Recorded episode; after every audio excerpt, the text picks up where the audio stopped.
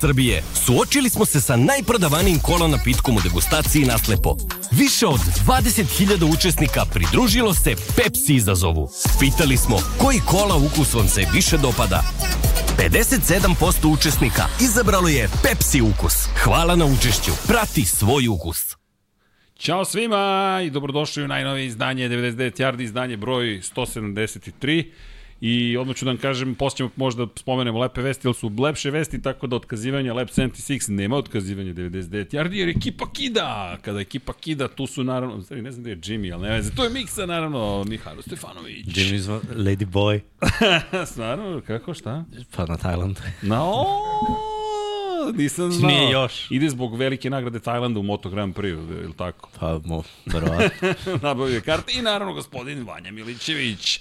Gde si Vanja? Ćao svima. Gde ste ljudi? Ćao svima, tako je Vanja. Da, da samo kratko za one koji prati Lab 76, ovaj, E, situacija još uvijek nije baš najbolja, ali mo- ne, ne želim da prioritizujem previše, međutim, tata mog brata, očigledno i mene, završio na intenzivnoj nezi dok sam ja bio u dalekoj Južnoj Americi, pa smo se mi spakovali i doletali nazad za Evropu i ne možemo da priđemo tati na intenzivnoj nezi infektivne klinike. Covid ga je, nažalost, jel te, pogodio u 84. godini, ali ono što mogu da kažem, pozdrav cijeloj ekipi na infektivnoj klinici, lekari su stvarno fenomenalni. Na high flow je terapiji, tako da nije još uvek invazivna terapija kada reč o kiselniku, ali ćale navijamo za tebe, pa eto, Navijajte svi za našeg čaleta, za mog čaleta konkretno. Borac je voli život, tako da to je sad jedino što se na njemu da se izbori, pa ćemo da vidimo gde smo, šta smo, kako smo. Ne mogu ništa da kažem, nismo ga čuli već danima, nemamo pojma kako on se osjeća, ali prema izveštajima koje dobijamo je bolja situacija. Tako da eto, malo je drame bilo, mi se držimo, mi se nadamo da će nam Čale se iskupiti za dolazak iz prekida jel te, toplog e, letovanja u sred februara, ali to je samo ljubav, ništa drugo, tako da znate. Ali, mi smo ovde zato što je, jel te, 99 yardi ekipa na okupu, skoro, cela, uvek nekako se desi da nismo svi zajedno, ali nema veze. A ti držiš trofej, zašto držiš trofej, Mihajlo? Držim ja trofej. ja sam vidio na onom traileru da je otišao kod tebe. Igrao Ne. se, igrao se neki pok. Ali pazi, moram pohvalim Srkanom. Ozbiljan je, veliki, veliki U. Srki, sve je on smislio, dočekao nas je sa trofejem, karte odradio, ugostio ljude da gledaju Super Bowl. Ej, ja, Stvarno je bio domaćin. baš je bio domaćin. Sad, više, sad moramo promenimo nadimak, sad je Sad Srki je- domaćin. Srki, do... o, Srki veliki domaćin. Čekaj, Vanja, ti si bio dole u prostoru, Yes. kako je bilo? Fenomenalno, stvarno je sjajna atmosfera, bilo se, kaže, opet sve pohvala za Srkije, prelepo je to organizovao i bilo ljudi, što je najvažnije. Ja, ja, sad delimo Vojvodu Serdare, bilo je tu još ljudi, ne. Kako se zove? Ovi što su bili za mnom. Deki i tako dalje. Ali čekaj, imali smo i loptu, neku loptu iz San Francisco, ja ne znam, ne, ne, nemam pojma čemu se ovde radi. Kako to došlo do nas? Čekaj, šta ćemo se... Ljudi, ja samo znam da mi još slao neke poruke. Imamo karte, imamo loptu, imamo trofej, imamo ovo, imamo. Okej, okay, Srki, uzbuđenje je bilo rekao, nego otkud lopta? Čekaj, to je autentična lopta. Ovo je autentična lopta, da. Imamo, imamo čoveka iz kulisa koji je zaslužen zato što je ovo blago stiglo u Infinity Lighthouse studio nedaleko od njegovog dresa. To je, to je. Uh, me, metar i po od Jerrya Rice-a, evo ga i, i potpis ove lopte. Uh, San Francisco zaista vrh i lepo je videti ovo. Deo jedne tamo dinastije neke. Brate, daj torbu da pokažem, molim. Ne, ne, dođi malo, ne, ček, ček, Dođi, ajde, da, ti ajde, upade, dođi. upade ti kod nas. Ljudi, da, znamo da pričamo o krunisanju nove NFL dinastije. Da, znam Ovo je da je stara NFL nova dinastija. NFL dinastija stigla pre knjigi u prethodnoj NFL dinastiji, ali ovo je još starija NFL dinastija. Uživajte, ovo je naš prijatelj, kolega, poznanik, a sada i domaćin 99 yardi, Nikola. Možda, možda, E, možda ovaj, nismo bili u punom sastavu, a- ali sad smo u punom sastavu. Ovo je jedan ofazin ili niješ ozbiljan. je u pitanju. E, mislim, često su grešili ljudi, ovaj. Imao sam dosta ovaj, problema da se objasnim da sam igrao ragbi, pa kako NFL, kako ragbi, kako kako ljubav, tako da je. Čekaj, ali mu vidite broj na rukavu? Niste Ne, nisam. ne, koji je broj? čekaj, niste vidjeli broj? A, 76, je, jako, mora, jako. mora biti se, ovaj, došao šarem što kaže veliki srki, ovaj, kačke tremsa, majica Sijetla, lopta, San Francisco, torba. Ono je u Americi jedno drugačije iskustvo i ja, nis, ja sam zaljubljen u sport, ne u ekipu, tako da mi je bilo ovaj, njihov ono rivalitet je mnogo nekako smešan i blag. Da, oni, se- oni se zezaju, kao, a vidi mi imamo pet prstena, ti imaš dva. tako da, I jako se ono poštuje, tako da je i na kraju vrhunac ono svega što sam mislio da će ona, da se desi. Posljednje na umu mi je bilo ću poznati Jerry Rice, ono. samo je falio Marshall Falk da se pojavi ja bi završio taj. Da, imamo to. To je to. Na, na Marshall pojačalo imamo... Aha, a da, da. Ne, gledam i Brady, gledam i, bio je Rice nama dole u, u da, da, u Space Ranchu tamo. I Wilson je tu, tako da je. Reci mi, otkud uh, upoznavanje Jerrya Rice-a, kako se sve to izdešavalo? Mislim, znam da... Pa ono, čud, čudna priča, zato što baš te sezone, malo pre smo pričali, to, ovaj, San Francisco nije bio nešto ono, to je 2018-19, oni se raspadali koji Giantsi koje smo gledali. Desilo se da smo bili taj ponedeljak ono, u San Francisco i kolega, odnosno menadžer u kazinu, pošto smo u kazinu radili, bilo je, ko ćemo na utakmicu, ono, Monday Night Football, imamo neki izlazak do 11 uveče, moramo da pitamo, znaš kako ide vreme, da li može, kao ajde može, koga ćemo da nađemo, rekao imam prijatelja u San Francisco koji je isto poznanik sa broda, kao možemo do stadiona, kao, samo da znate da li ovaj stadion nije baš u centru grada, nego je, ima da se ono sat i po ono, vožnje po američkim autoputima, to je. I o, otišli, dobili smo dozvolu, otišli, prvo što me iznenadilo, tailgating je, pff, to je nešto što ja ne znam ovde, da li nek, n- volio bi da svi dožive, ono baš je, oni su bili, Giantsi su došli, sad njihovi navijači su sa svih strana, nema nikog iz Njujorka, on bilo su iz Teksasa, iz ovog, iz onog i tailgating, piju pivo, kao možemo kupimo pivo, kako kupujete sve ovde fan klubovi, ono jedni pored drugih, mnogo lepo, ono, neverovatno. I sama utakmica je bila super. Bilo super, ovaj, David, pozdrav za David, on je bio, mislim i dalje je fan Beckhama juniora koji je tad bio u Giantsima, dao dva touchdowna u ovoj ekstazi, ono San Francisco se raspada pa vodi, pa touchdown u posljednjoj sekundi, tekma mi ono već oduševljeni i to mi je bilo ono, gotovo bio sam na, na utakmici NFL-a, mogu da, da, da završim priču o tome, međutim par meseci kasnije ova cruise kompanija imali su Faithful Cruise za, samo za navijače San Francisco. I prvo što je došlo, došla lopta, ja sedu u kazino, ono kao preko dana moraš da čekaš goste, da imaju milion pitanja Amerikanci i došao čovjek s loptom i on, o, vi, bla, bla, bla, nah, kako ide cela priča. I ja rekao, šefe, lopta, kao ne znam šta ću s njom, dali su nam sad na ulazu, ja već imam jednu koju sam dobio kad se rezervisao kruz. Koliko para? Nije za prodaju. Kako ja da dođem do toga? Pa ne znam, kao rekao, aj dođi ti večeras u kazino, ja ti kupim piće, ti meni daš loptu. Može, pošto njima samo dam besplatno, mislim da verujem da lopta vredi Da. više Vrh. nego sva ta pića. Inače, da, da, pokažemo da sa druge strane ovde je potpis Jerry Rice logo uh, 49ersa koji je izvezen, Da, da. a ovde sa druge strane imamo ceo isterijat, da samo da ubijemo ovo svetlo malo, da, ceo isterijat uh, osvojenih uh, NFC titula, naravno be- bez ove sada, i osvojenih superbolova kojih je bilo pet, ali ipak najvrednija stvar jeste bila izložena ovako. Pa, i to, pošto je, mi smo bili ono posada na brodu, a gosti naravno imaju sva prava i oni su bili, dolaze igrači, dolaze legende, nema kontakta s njima, to je sve rezervisano i zaključano ugovorima, nemate pravo ni na šta, to je samo za tih 500-600 ljudi koje je rekao, dobro, neću da se ovaj, nešto mnogo opterećujem, nemaš pravo, nemaš pravo, pomiriš se s tim. Međutim, mi smo, pošto u kazinu imali svaki dan neke promocije, isto kao ovo snimanje, svako jutro smo imali neki show, neko snimanje i bio neki port i sedeli smo, to jest išli na snimanje i onda ide čovjek sa suprugom, najnormalnije, dobar dan, dobar dan, Ruker, ja sad, sad samo uhapse, ono, na, neka policija na brodu što smo se do ovaj, ne, ne, zaista je čovjek, ono, ja sam mislio da je mnogo veći, ono, malo, par santimetra, doduše ova glava i telo nisu bili ovakvi, bili su mnogo, ovaj, mnogo uži i mislio sam da će biti onako negativna reakcija, međutim ne, on je čovjek, mislim, to je trajalo par minuta, poštovanje je ono neverovatno, tako da posle kad smo imali loptu nismo baš smjeli da odemo da pitamo, međutim potegli smo veze što se kaže te brodske. Isti čovjek koji nas je pustio na utakmicu par meseci ranije, ovaj, kolega je kupio kačket, ja sam imao ovu loptu i otišli smo tamo, čučali smo ispred vrata da nam potpiše. Nismo baš, ovaj, slike ne smemo ono da nemaš pravo da ih, da ih dirljaš, da ih pokazuješ, tako da ih nisam ni uzimao, ne biš plaćaš 150 dolara za sliku koju ne, ne smeš da pokažeš nikom, to je Tako da, ali ono kad sam dobio loptu je kao rekao, e kao samo ne smete da prodajete ove stvari. Kao, rekao da, to sam mislio, ono kad sam došao pre 100 godina na brod da dozbijem tvoju loptu i da je prodam ono kući. I ono, čuvao loptu i sve sam vreme mislio kao sad u Evropi, pa kao, ajde u Srbiji sigurno, ali koliko ljudi ima ono potpisane, bilo koja ono memorabilija, što bi rekli oni od, od, uh, iz NFL-a, pogotovo Jerry Rice-a, što je za mene ono, ja ljudima kažem, to je ko voli košarku Michael Jordan, za mene su Montana i Jerry Rice Ako Da. pričamo o toj... o Čer je dinastiji. institucija. Mislim ga pogledaš samo i koliko godina je igrao i Ja sam, ja sam kao kad deda sam je bio posle uspešan u klinac, Super Bowl. ovaj, ja sam ga vidio u Raidersima, nisam ja tad ni Da, znao ono, isto. za San Francisco kao amatori koji ono, ide na, troši vreme u aut, sad nad guzicom uzme ono, pas i samo prekine napad. Fantastično. I tek posle kad čuješ što nije bilo interneta, nije bilo slušaš tada Dejana i Peđu, šta će ti kažu svake nedelje ono, o njima, tako da to je to mala kratka priča.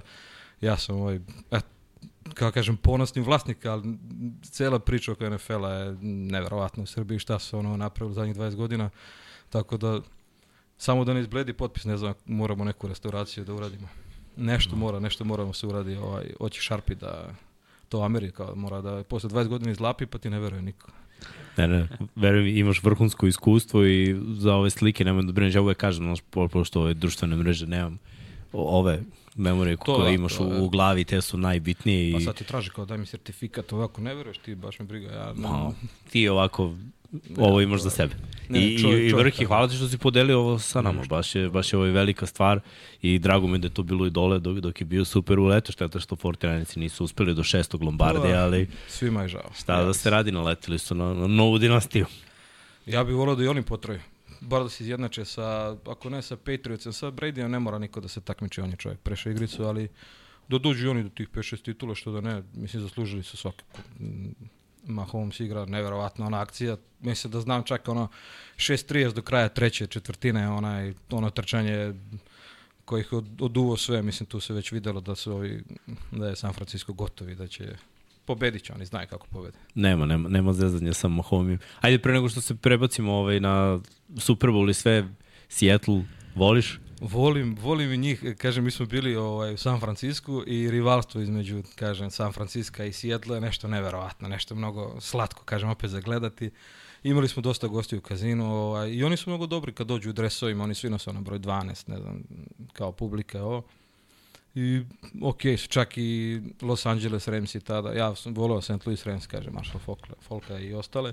S tim što sad ne volim da vidim Kurta Warnera na, na, na što se čovjek napravio, ja stvarno posle onakve karijere, ali dobro.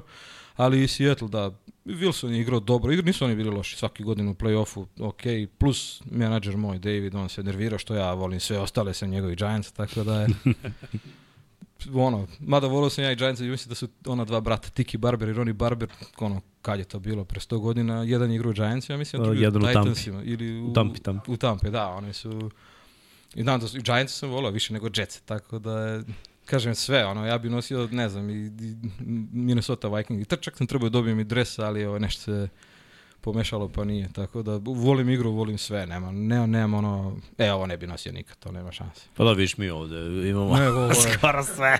I sve Ovo bi nosili. Dolazio bi svaki dan na posao, to sam rekao. ono, pre, da. Svaka čast. Čak smo nosili Cheda Penningtona. Da, da. Zbog Baš me, baš me zanima kako bi prošli da ovaj podcast bio recimo neke 2004. 5. tamo kad je počinjalo sve, kad nije mogao dres da se nađe. Ono. E, ako mi veruješ, dobro, imali smo tad par komada, ja sam imao ovaj, do, ovaj, momci koji su trenirali sa mnom, imali smo par komada, ali to su bili dresovi. Tad je imalo čekaj da se kupi u Ribuku, jer je Ribuk bio sponsor ligi. A. I onda si kod nas imao, i tu je negde moj Terrell Owens, Ribuk. Tu je ti, ja. Bilo je u Bu- Bulevaru.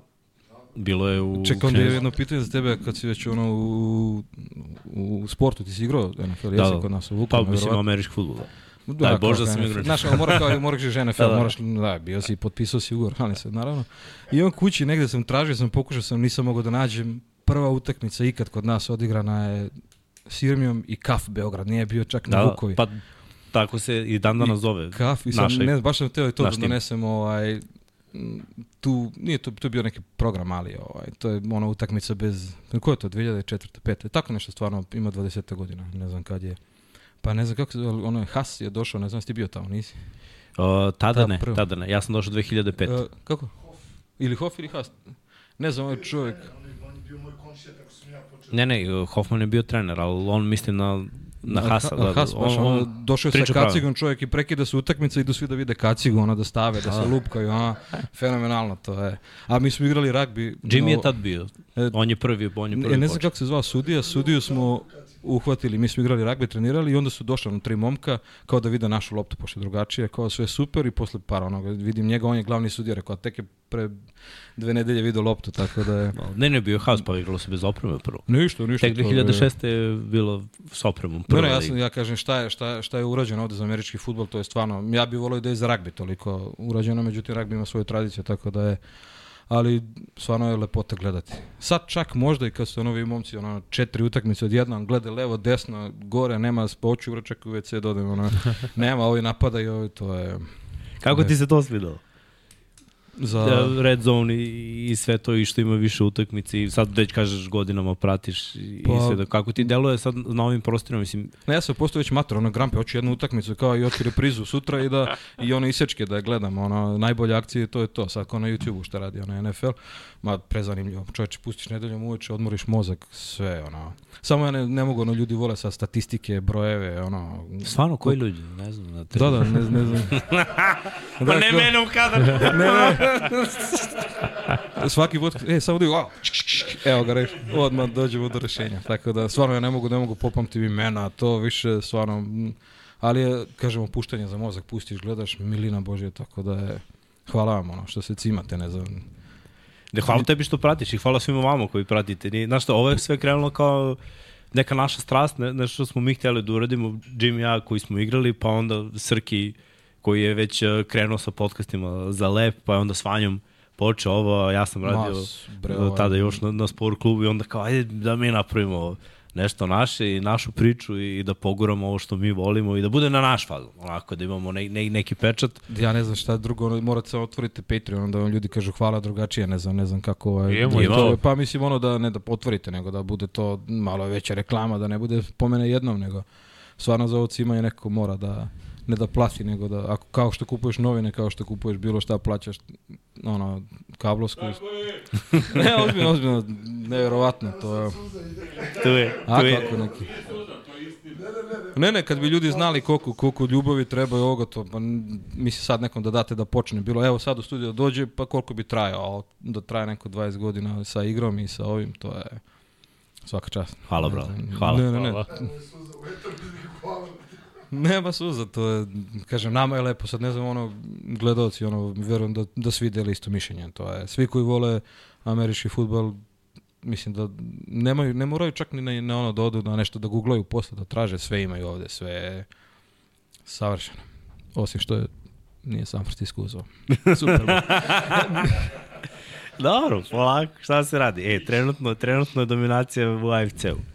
Nema Ali dobro, nek- uzeli su Remsi, eto možda baš, bar da budeš srećan. Ali- Voliš taj zapad NFC-a. Ali je LA, nije Da. St. Louis, ta prvi, prvi je, mislim, prvi Super Bowl Patriotsa i Remsa i Adam Vinatieri, sadnja ga noćima, to je, ne, ne, to stvarno nema. Otprilike smo tad počeli svi baš da se, E, to je to. da se vezujemo s, s novim prostorima Posle smo za, ono za kao Američku. vraćali, ono, Ray Lewis kako je uzeo godinu dana. Mislim da to, ne pamtim, to, taj Super Bowl, da, da su osvojili da on bio ono pokido, ali Vinatierija i Bradya posle toga Da. pamtim. Tako da ovi Ramsi nisu sad to, i Chargersi su, su prebačeni, to jest vraćeni su i oni iz San Diego, tako da San Diego živi drugi život, oni su bejsbol i njih ne zanima ništa. Odeš u San Diego, ništa, ništa, ništa, samo papas, papas, papas, gde god nema, ne postoji ono lopta za...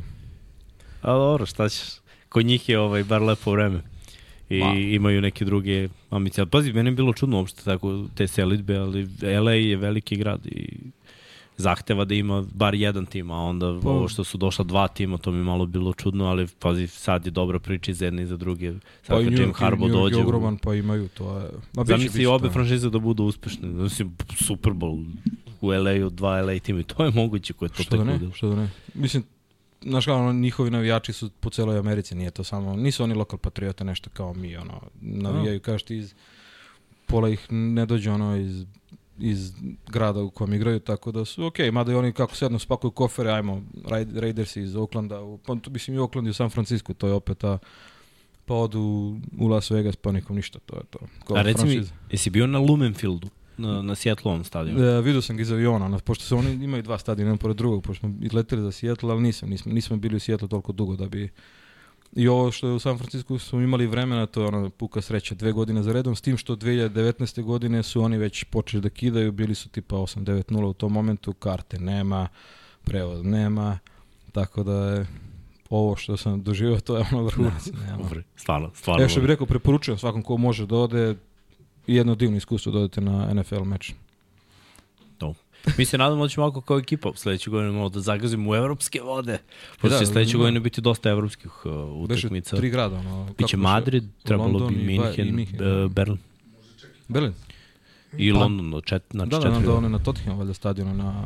da, da, ima jedna na Tottenhamovom, a na Wembleyu je Jest. Je Pa dve su uvek na dva Tri- različita mislim da se tri stadiona. igraju. To je samo presezona, tako nema... Ne, ne, ne. Ne, u, u regularnoj sezoni, da, da. Super. Potrebalo bi otići. Da, Tri. Madrid je tek od 2025. Stvarno, Da, nije, Ne. nije ova sezona koja Ne. dolazi. Tek od 25. je Bernabeu. ništa. Dobre, bolje viš novi Warhite Lane, meni je to pozdrav za Zeta koji je Tottenhamov die hard fan. Ono. E pa će jeste jedna utakmica. Tu je Jeste, pa jedna, to je to. jedna je na Wembleyu, da, da. Zato kako Patreon, podržite da idemo svi, ono, ajde i... Što da ne. O, bravo, pravi si reklamaž. Evo, Srki te podržava. Ukrao si njegovih pet minuta reklame. Nema veze. po- Ja. Ne, hvala vama, ja sam, kažem, pisao, sam stvarno bi volao, ono, i mislim da sam pisao i, ono, sport klubu kad je bilo, kad su igrali opet njih, ono, Kansas i oni, mada njihov nešto odaziv tad nije bio, rekao bolje, ova organizacija je fenomen. Volim da ono, ja bih volao da ljudi vide, ako nekome znači, mislim, svako, verujem da... A, ni- nisi pisao pravom čoveku, tada. E, mislim da nije tad bilo, ovaj, ne znam, Ne, pa da, ne, to, ne znam kako si, šta si mail poslao. pa ili- verovatno, onako, mar, Ako da je to neko i video. meni je drago da je ovako ispalo, ja kažem, što se mene tiče, da ostane u studiju, da, da bolje da živi ovde nego sama kući tamo sa nekim posterima iz 91. koje mi imamo ovaj, crveno-bele, tako da... Da, baš je, baš je velika vrednost. I opet, uh, znaš, čudno mi je bilo kad je prvi čovjek poslao dres, kao evo da imate. Pa, Kao Pa i, on, i onda drugi, treći, četvrti, peti, deseti i ajmo i lopta i ovo i ono i kad se sve na kraju spoji koliko u stvari ljudi vo, vole sport i koliko ima gotivno ne, ali koliko vi, koliko vi doprinosite, koliko ljudi, stvarno volim da bilo ko, ono, da tu je, tu je kuća ono za svo ovo memorabiliju. Ha. Ovaj, I treba da bude sve zajedno. Treba, ljudi, treba mali muzej da napravite. Već. Kako ti se čini ovaj prostor dole? To će biti možda, mislim sad vidiš ovaj ovde, E, ovo, bi, ovaj bilo stari. hladno, e. Nama starijima je bilo. Šalim se, bilo je super. Ono, ja sam sliko, nisam mogu se naslikam samo da pošaljem ide i video tom menadžeru i ono, već svetski. Nema, nema više, nema stajanja. To kad budemo napravili to, do kraja biće, biće opasno. Samo, samo ime da promenim sve. Da, da. Ne, ali ima neko naših u NFL-u, ja znamo, ima Nikola neki u LA Ramsima, ali ne znam ali to naš čovjek. Ima dečko- par, ima i Ima. Dulčić isto Kalinić, takođe, ali e. više su, da, to je poreklom su Ne, recimo to Da, da. šta, to je... Pisao sam. A, jes. Yes, Ne odgovaraju. Ko Slabo, slabo. A. Da. A dobro, verovatno su oni vezani. Pa ja sa, baš mislim da sa tog ugovora, možda ranije, se vraća sa Jokićem u avionu, ono, čovjek i ono buraziri po 3,5 metra, i ja, ono, i koji, mene koji vode na carinu, njega ne diraju, rekao čoveče, daj bar nas provodite zajedno da kažem da sam bio s njim, ono, da ste nas ustavili, tako da, ne znam, vjerojatno su vezani ugovorima i to je. Pa možda je to da, mislim, probali smo, imali smo neki intervju, je bio ovaj jedan dečko koji je u Austriji igrao, on je bio kao... U Giantsima. u Giantsima da kao oni imaju uvijek jedno mesto na rosteru za za članove sveta. Da li Evropa, da li Afrika, je- jedno mesto na rosteru je za Mora. njih i mi pisali smo i oni su odobrili. I pričali smo s njim, dali su nam 20 minuta, izvolite, Sandro Plazgamer. A ove što se tiče ovih naših, mislim, možda da probamo to isto, da, da, da pitamo, da, da pišemo šta znam. Da, ne, mislim, opet, publika je velika, je ljudi ono koji dođu, vidim, bilo je dosta momaka, one koji igraju, koji prate, mislim da nema ništa draže od toga, nego da, da budeš nekom legendom, ono, bilo kog sporta, a kamoli sporta koji voliš, to je, mora da radite na tome, kao to, to je Da. sledeće, ne, mislim, nema, nema dalje. To Ima je, da, to pa je naravno. Ambicije su tu, nemoj da brineš, Samo da unapredit ćemo. Ne, pa, samo održite ovo i nema, nema što. Trofej ove godine, pogledaj kakav je čovječ. Da. Srki ga ukrao. iz, kan, iz Kansas. srđani, srđani otešni Ne, ne, titul. sve, sve, sve je bilo vrh. Baš. Da, hvala ti puno, brate. Ništa, ništa. I, I na gostovanju što si došao i što si donao ovu loptu i Vrančić i sve, i cela priča, ovo tvoje, tvoje iskustvo, sve je to ovaj, lepo. Ljudi treba to da čuju i, i drago mi je da... Drago je meni da sam a, bio ovde. Znaš šta mi je još drago? Dra, drago mi je zato što uvek postoji ne, neki ovaj, jaz između nas koji smo igrali američki futbol i vas koji ste igrali ragbi. A ja tipa, ja se sećam u teretani moj 20 ortaka koji igraju ragbi i nas 10 koji igramo američki futbol i svi vrh drugari I niko nema ono kao, ja, vaš sport je ovo, vaš sport je ovo, nego maksimalni respekt i, i za jedne i za druge. sporta koji Dva potpuno igraju. različita sporta, ali, znaš, nikad mi u životu nije palo da kažem, naš sport je fizikalni, ali, va, brate, zar je bitno, znači, kontekst Ne, u sportu i, i, po, i bukvalno potpuno drugačije, ali treba poštovati. I, i to mi je drago da, da neko ko Obično ljudi koji vole ragbi ne vole američki futbol. Ne, a, mislim, meni, a meni su oba sporta gotivno. Potpuno. Mislim, bilo je par momaka ono iz kraja tamo, Senjak, znam da su igrali, sad ne mogu imena, da im se, da su bili blizanci. Da su bile dva blizanca sad, ako gledam Da, da. pozdrav za njih. Da, Ovaj, da, tu Dače, Dače igrao E, sa mnom. e. Po, pozdrav za Daču. Kažem, ne znam da li se seja, ali tu smo, tu smo iz kraja. Znam da je on išao s opremom, to mi je bilo ovaj... Tako da ponovo podržavam full. Čak ste igrali na, ono na Adi, na ragbi terenu, tako da je moja ljubav. je- Mislim da svi ragbisti, ono, mislim, može da se da uvek nađeš ono neko ko, ko što ja ne volim rukomet da gledam i nije, nije mi sport. To je pozdrav sad za Makedonce. ovaj, ali ne, ne, stvarno su, oba sporta su totalno različite, totalno različite taktike. Vamo se igra bez prekida, ovde imaš sve vreme ovog sveta u 35 sekundi da napraviš akciju, tako da je sva podrška i za, ako, kažem, malo našu slabiju, našu ligu, ne, malo, nikako, ne pratim čak na novim prostorima, ne znam koliko je to popularno. Pa, Znam da su Vukovi eksplodirali ono par.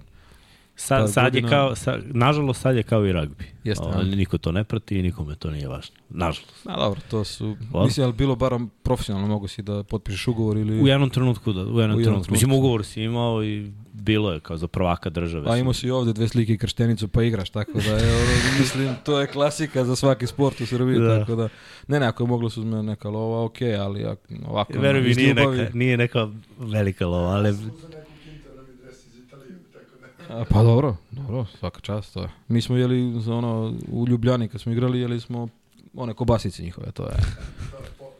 I Split smo preživjeli bez išta, tako da je milina boži. Ne, predivni, predivni sportovi svakako, tako da i jedan i drugi i treba i treba da se poštuju, tako da samo teško objasni malo pravila. Čak i ragbi, ako ragbi može još i teže, pošto ono, kao šta sad ovi se guraju, šta ovi sad stoje, šta ovi padaju, oni ne mrdaju se niko, ovi šta sad ovi, nisu ni počeli već pauza, ono, hoće neko da se mrdne, tako da je, kako da mu objasnim, čet, 10 yardi, četiri pokušaja, k- šta sad, ono, tako da je, to je muka svih nas, ono, koji volimo, a živimo s ljudima koji ne baš ne vole ovaj, Pa da, ali ne, ne znaš kao, daj gol, to je, ili touchdown, esej, to je cilj, tako da samo taktika je malo drugačija. Ali kad se shvati, ja mislim da stvarno za, za, za dušu i za mozak nema, nema ono lepšeg sporta, ono košarku gledaš ove naše pa se nerviraš svakih 30 sekundi, ono, a ovo je... Istina. Dobro, Dobro, i ovde se te fumble na 20 yardi pred esej, ono, prvom drive, eto to. I, I ovde se nerviraš kada ne možeš pobediš. Ja. Chiefs. Ali dobro, to ćemo sad. Sad, će to, sad ćemo to prepustiti ovim momcima koji nisu dali ovaj, svoje mišljenje o Super Bowlu. Jimmy ja smo se napričali, vala.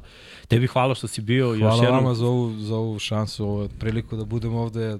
Stvarno ono proživio sam ponovo sve, tako da je, drago mi je da je da ovaj Lopta za sad našla svoju kuću dok da me malo ne poraste, pa mora da gleda podcaste i podcaste, pošto još ima tek četiri meseca skoro. E, tako da će, da, i ono, ima, ima još, mislim, ali ima na, na YouTube onih pravila NFL-a i to sve. Ima, ima, ja, ima. to playlista, tako da kad skapira, bit će to to. Ja vam se zahvaljujem ljudi još jednom. Hvala tebi, Hvala, hvala, bre. hvala tebi puno. Kaže da su mislili da smo doveli ovog levog tekla iz Remsa. A Andrew provalili Whitford. smo se. Whitforda. Aj, jevi ga. Gde sad idem po lovu, ono što ste rekli da se plati na gostovanje, to je dole kod Mir. Sad, sad mi moramo da potpišemo ugovor da ne smo ovo da objavljujemo. To je to. Ljudi, hvala. vam. Dobre, hvala tebi. Hvala tebi, hvala. Puno. E, a sada zamena, umesto levog tekla dolazi nam de, desni tekl. Taj ten, taj ten. Titan, Titan. da, sad, sad se ufitio. U jednom trenutku je delovalo da ide na ide, desno ide tekla, kao ali, ofanzivnu linijašu. Da. Malo sam probušio kašiku. a lepo si po crnom, ono ti Ej, priznam. vidi, dobro je krenulo, ali Čale nam je bacio kosku, sad se šalimo, uopšte nije bilo šaljivo. Posljednja tri dana su bila onako dramatična, ali dobro. Dobri, dobri su. Super Bowl si gledao? Ja naravno sam gledao, vidi, to je bilo, bilo je zanimljivo iskustvo, bizarno iskustvo, za, a, pošto, jel te, arena je bila u prostoru i onda, pošto to je jedan nalog, nisam znao da, da se ulogujem, znaš, učilo, da li ću nešto da poremetim, rekao, ne diraj srđane ništa i, i platio sam da zonu 800 čilenskih pezosa, da ne kažem čak 80 centi dolar, jel te, američkih centi, jer toliko je koštalo, pa kao imate prenos večeras Super Bowl, Pff, ok, za dolar, daj da gledamo, i međutim, onda smo Brazil skontali, imamo, u toj kući je bio klasična kablovska i nađemo ESPN na španskom. I kao, ok, nema veze, ide španski. I oni zaborave, znaš ono, zna- znate iza kulisa kako stvari izgledaju. Zaborave da prebace sa engleskih komentatora sami na španske. I imaju čoveka koji je tamo, koji priča u mikrofon, ali vidiš da ide potpuno drugi audio kanal.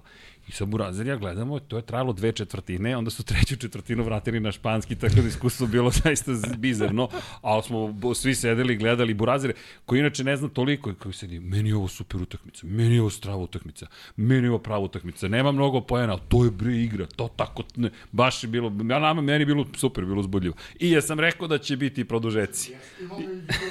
Imamo dokaze.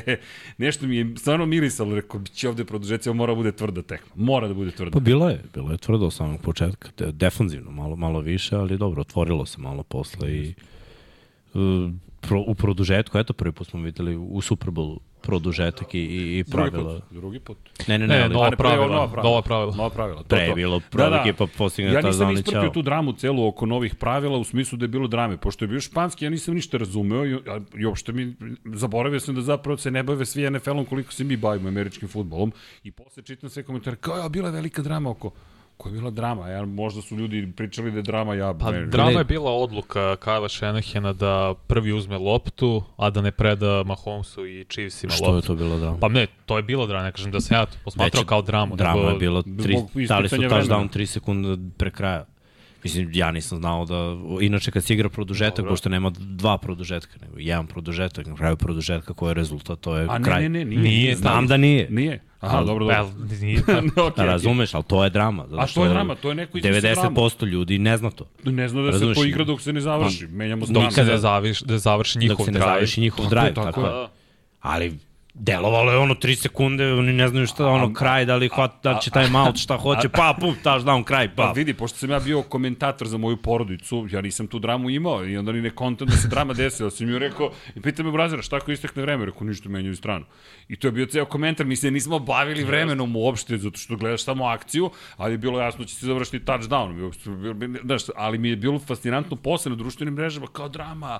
Pa onda je bilo, bilo je svega, koliko sam shvatio, da je bilo da, da, da mnogo ljudi nije znalo za nova pravila zapravo, da igrači, navodno, San Francisco nisu znali za nova pravila, da su verovali da ističe vreme. Da, To, katastrofa. to je bizarno, to je bizarno, to je za trenere takođe isto pitanje. To je i za jedne i za druge. I, i ono, popričali o, o važnim stvarima. Pa zašto naviknu znaš, da kraj uh, tog perioda je kraj.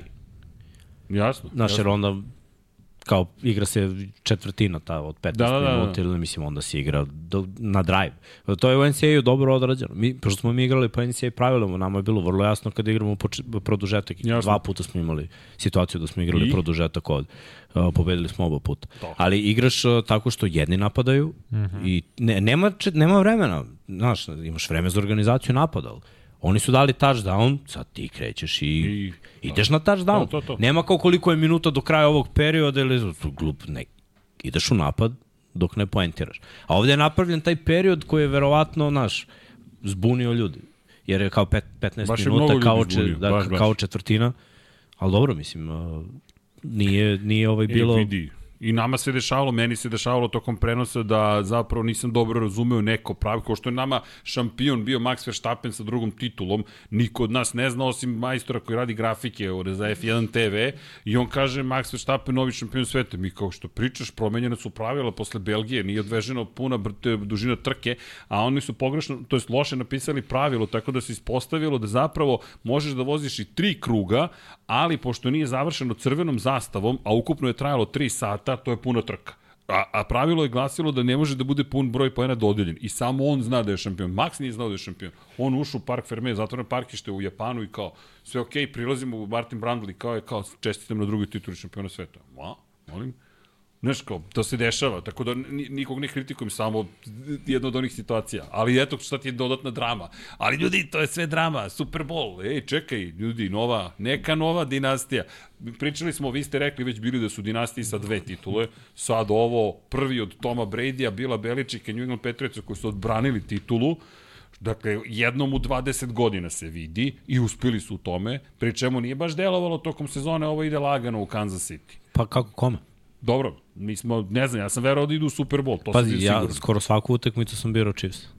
Stvarno? Da, da, da će da pobede ove godine. Jer, mislim, igrali su užasno u jednom trenutku. U jednom trenutku je bilo ono, počeo sam da verujem da, da, da neće biti. Znaš, ono, jer mi je bilo neverovatno da igraju toliko loše. Ali ono što, što me držalo sve vreme je odbrana, koja je na kraju Da. da. i Koju- očekivano odradila posao Jeste. u, u Superbowlu. Radila je u prvom polovremenu, došli su do osvojene lopte i to je najboljem running backu ove godine. Limitirali su ih u produžetku na field goal. A, inače, znaš koji je jedini hvatač koji u play-offu ima više od 100 yardi protiv Chiefs? Zay Flowers. Zay Flowers. Stvarno. Tyreek Hill i Jalen Waddle zajedno nisu imali 100. Brandon Ayuk i Debo Samuel zajedno nisu imali 100. Uh, Stefan Diggs i kogod zajedno nisu imali 100, jedino je Zay Flowers imao više od 100 yardi uhvaćenih uh, secondary u Chiefs, koji je po mom mišljenju stvarno najbolji secondary, kad uzmeš overall cornerbackove i safety A pričali smo o tome, Remis ima dobar sekundar, ali cornerbackovi nisu toliko dobri. Ovde su Škripe. dobri i cornerbackovi i safety. Stvarno je jedan uh, vrhunski sekundari koji je oduzeo mnogo toga. Pa da, ali izvini, ajde, ja, ja nisam mogao da vas slušam, tako da nisam, a, manje sam pametan nego što bih inače bio, ali vidi, ono što sam ja gledao jeste igra trčanjem, jer ti kada pogledaš, vratilo se na staro, pošto me Burazer pita šta se sad dešava, šta se dešava, i onda standardno objašnjenje, rekao, prvo slušaj 99 yardi, like, share and subscribe, e, da imate pozdrav od čilanaca svi, klinci moji Burazerovi zapravo i Paulini, koji su u fazonu, možemo mi da radimo podcast, ja kažem, i da uvodimo futbolski podcast, vi ga vodite, pošto oni govore srpski, ne najbolje, nije najtečnije, ali ga govore. I ja kažem, zvaće se Ombrez, pošto njih dvojica Burazeri, Sofija u fazonu samo klavir, ali njih dvojica samo futbol. Znači, to se živi, to izlazi notifikacije sa svaki rezultat velikih liga i onda sam rekao, Ombrez ima da napravite podcast, pričate na, na srpskom, kako god znate i umete, idete na Infinity, samo malo da porasti to ovako. Inače, oni veruju da sam ja dubog, da sam multimilioner, pošto sam na YouTube-u i to se svaki god... Ne, ozbiljno, to se učvršćuje iz godine u godinu. Kao, ne, striče, vidi koliko ljudi gleda, ti si milioner, milionario. I oni tvrde da sam najbogatiji u porodici, ja sad, kako bih rekao, patreon.com, kroz Infinity Lighthouse. Sad im daj ugovor. sad potpisujemo. Ruki ugovor. Sa opcijom na desetu godinu. ali, ali, znaš, u cijeloj priči ja im objašnjam, ja kažem, vidi, igra trčanjem kada funkcioniše i on kaže, vidi, stvarno, ima igru trčanjem da se otvori i ovo ostalo. To je, Znaš, dosta jednostavan princip, čak i za ljude koji ne gledaju često i kako je nestala igra trčanjem, makar je to moj utisak, znaš, nestaje, po, nestaje opcija, postoji stvari mnogo jednostavnije i lakše. I ono što si ti rekao, hraničiš najboljih trkača, stvarno ga zaustaviš. Pa nisu ga zaustavili. To je, to je ovaj zabluda. No. Stvarno misliš da ga nisu? Ne, nisu ga zaustavili uopšte. Mislim, da nije bilo tog fambla, verujem da bi CMC imao ono, MVP dan. Mislim, jer je, Ali desio se. Ali ima, znaš. dobro, dešava se svima. Mislim, Ne, ne znam, a znaš. posle toga, pogotovo u drugom poluvremenu, moj utisak je bio da su tu zaista uradili Pa jesu posao. malo zatvorili trčanje, ali To, to, trčanje, je CMC trčanje. imao 30 dodira s loptom. Dobro, I imao je 160 yardi i touchdown hvatanje. Ali kad pogledaš Bilo je- trčanje generalno, ajde, možda ne njega, ali znaš, nije bilo, makar je to moj utisak bio, da nije bilo one igre koju sam očekivao. Pa da nije bilo da se te desi. Ne, igre ne, uopšte. nije bilo, ali ta igra nije mogla da se postavi. Ali si menjao kratkim dodavanjima, dodavanjima iza linije skrimidža, dodavanjima na yard, dva. Dobro, lep je Tu bilo, touchdown. Tu je Znači, bilo, tap, tap. dobro, to je, to je trick play. Stvarno je trick to je play trick play. Ali mislim i to je dodavanje iza linije skrimidža. Jeste, jeste. To se računa kao hvatanje, ali mislim on je istrčao to i blokovi su postavljeni trkački blokovi. Kao. Ne, ja da uvek kažem, znaš, Znaš, to mi je bilo super, izvini, sad to, samo ta akcija, jer očekujem vratit će potrebeku, znaš, čekam da Pardi dobije loptu i kao, "Mm, balonče ide tamo Ne, negde. namestili su sve. Mislim, praviti skrinove, treba biti majstor praviti skrinove. Ja uvek kažem, Sean McVay meni tato. Ja kad vidim njegove skrinove za hvatača, za back, ma za koga god hoćeš, ali uvek nekako vidiš tri lead blokera ispred i uvek je to izvlačenje savršeno. I to je zapravo trčanje. I jedan od najboljih načina, ja se sećam isto, mi smo imali taktike kada ovaj, ako ne možemo da uspostavimo trčanje, ako previše pune boks, baci loptu na stranu i dalje jedan blok, dva bloka, iskoristi to, to menja trčanje. To, to jeste pas i u statistici neće biti, ali zapravo te, to brzo izbacivanje lopte, defanzivna linija nije faktor, bu, bukvalno menjaju trčanje. I Sims je imao vrhunski dan. Problem je što je bio jedini koji je imao vrhunski dan. Od, od tih velikih playmakera. Uh, jer su Chiefsi uzeli sve ovo drugo iz sekundarija. Tibo Samuel imao loš dan, Brandon Ayuk nije bio na ovom nivou 1400 yardi skoro koji je imao u sezoni, George Kittle. Mislim, jedan Kyle Jušček fullback je imao bolji dan od njih, jer je tri puta osvojio novi prvi dan. Ovo mi je nekako sve vreme falilo i falilo i falilo, falilo i, i nije se desilo. Ali opet imali su svoje šanse. Imali su mnogo propuštenih prilika San Francisco 49ers. Ja, ja ću svesti sve na to. Jer samo da, da tri, tri propuštene prilike koje su rešile ovaj Super Bowl, prva je bila taj fumble Kristijana McCaffrey-a, druga greška je bila Maffovan punt. To, mislim, Ne, dobro, To je onaj rezultiralo- lopta što udara u petu to je to čoveka, rezultiralo pa touchdownom. Znaš. Jeste. Okej, okay, razumem Super ne Bowl, je to, mnogo ljudi. promenilo i emociju. Pa Znaš, ti, ti, ti si u tom momentu neko koji dalje imao situaciju pod kontrolom, kakvom god, ali imaš je veće mnogo kontrola. Odjednom ti daješ napad u Chiefsa slobodu da završi posao. Ma daješ im šansu, a to da. ne smeš da daš. Vraćaš ih u život, Jer na primjer, odbrana 49ersa radila odličan posao u prvom polovremenu. Stvarno jesu. Jeste. Do poslednjeg drajva, ali opet i to je bilo two minute offense.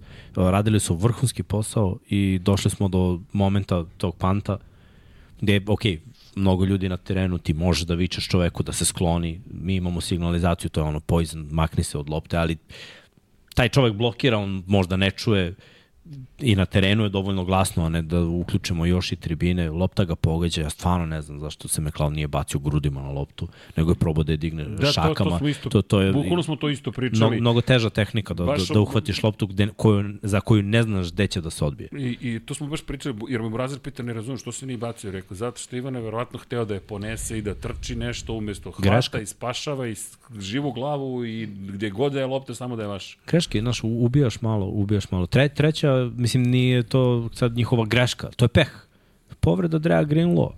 Ono je bizarno. Uh, sad sam radio ovaj game day i, i ekstra, znaš, on, Fred Warner je plakao na, na sideline-u, bio u fazonu pogubljen na klupi, Nick Bosa mu prilazi, znaš, ono kao je, moramo strgnemo, znaš, kao, šta je, šta je tu je? Šta je tu je? Sve vreme, čovek, man o, o, down. od tada, sve vreme, da Travis Kelce ide na desnu stranu formacije, Vidi, to se odmah pojavila rupa. Čuva ga Burks. takva dva linebackera koji ti čuvaju, bre, sve unutra, izvinjam se za ali zaista Travis Kelce u prvom polovremenu imao jedno hvatanje za jedan yard. Osam hvatanja imao u drugom, skoro 100 yardi imao na kraju. To je, jed, a nije dobio Freda Warnera na levoj strani, dobio je uglavnom na desnoj. Znači, bilo, napravili su odličan game plan i iskoristili sve što se desilo u 49ersima.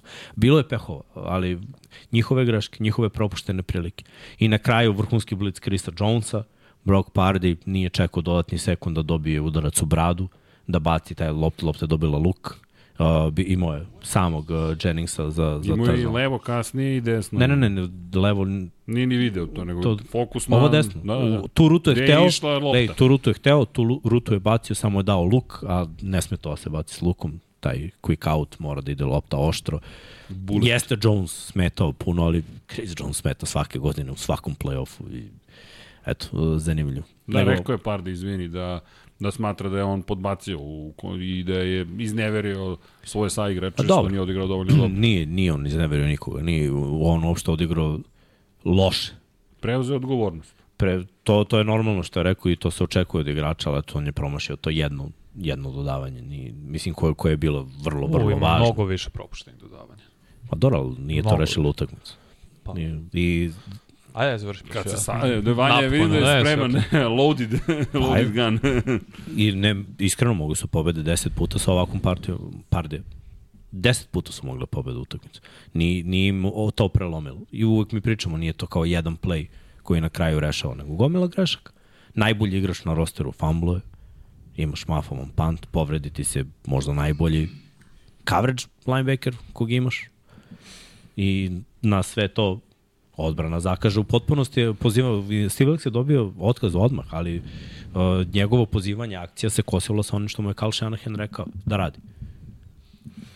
Nekoliko puta ove godine, a i nekoliko puta u Superbowlu. bukvalno je ono bilo, Zato je to tražio onaj jedan timeout Shanahan i da. rekao je promeni play call. tako je, ti tražiš nešto od svog defanzivnog koordinatora, on je tvrdoglavo cele godine u, svom nekom svetu, u svom fazonu. Super im je prošlo. Pa znam, Pa ali nije, vidiš, ali- to, to, to su, to Ma su ne, sve ne. povezane greške, Naravno, zato ne, ne, bih, kumulativni efekat. ne, ne bih stavio ono kao je, Kotrbek je mogao još. Ali ja mislim da, Vanja, ne, ne znam šta ćeš da kažeš, ali imam utisak da ne ide ka tome da je ta jedna greška, nego kumulativni zbir svega toga da je doveo zapravo do ovde. I još pride preko puta imaš Mahomija i kompaniju koja zna kako se otpočinu. Ajde da dodam još jednu, zaboravio sam. Burazer promaši ekstra poen, brate. Da, Da, izblokiran je bio. Bio je loš, bio je loš On je kriv, Vanja, šutnuo loptu na visinu Znam. 2 metra. Ja kad dignem ruku je 2.40, brate. Znam. Ja bi ga blokirao, a ne o, Burazerče od 2 metra, što kad digne ruku je koliko? 2.60, brate. Jeste, pa Stvarno je bio nizak. On, moraš da šutneš kao kiker. Loša tehnika Više. je bila, kao, slažem se apsolutno. brate. I to je na kraju presudilo i zato su Chiefs išli na 3 poena umesto da moraju da jure Da, touchdown. znam, što je bilo mnogo teže. Mnogo, mnogo, I mnogo pitanje je teže. da bi prošlo. Pa, upravo to. Ovako Upravo bio iziman. Tako da 49ersi su čokovali kao tim.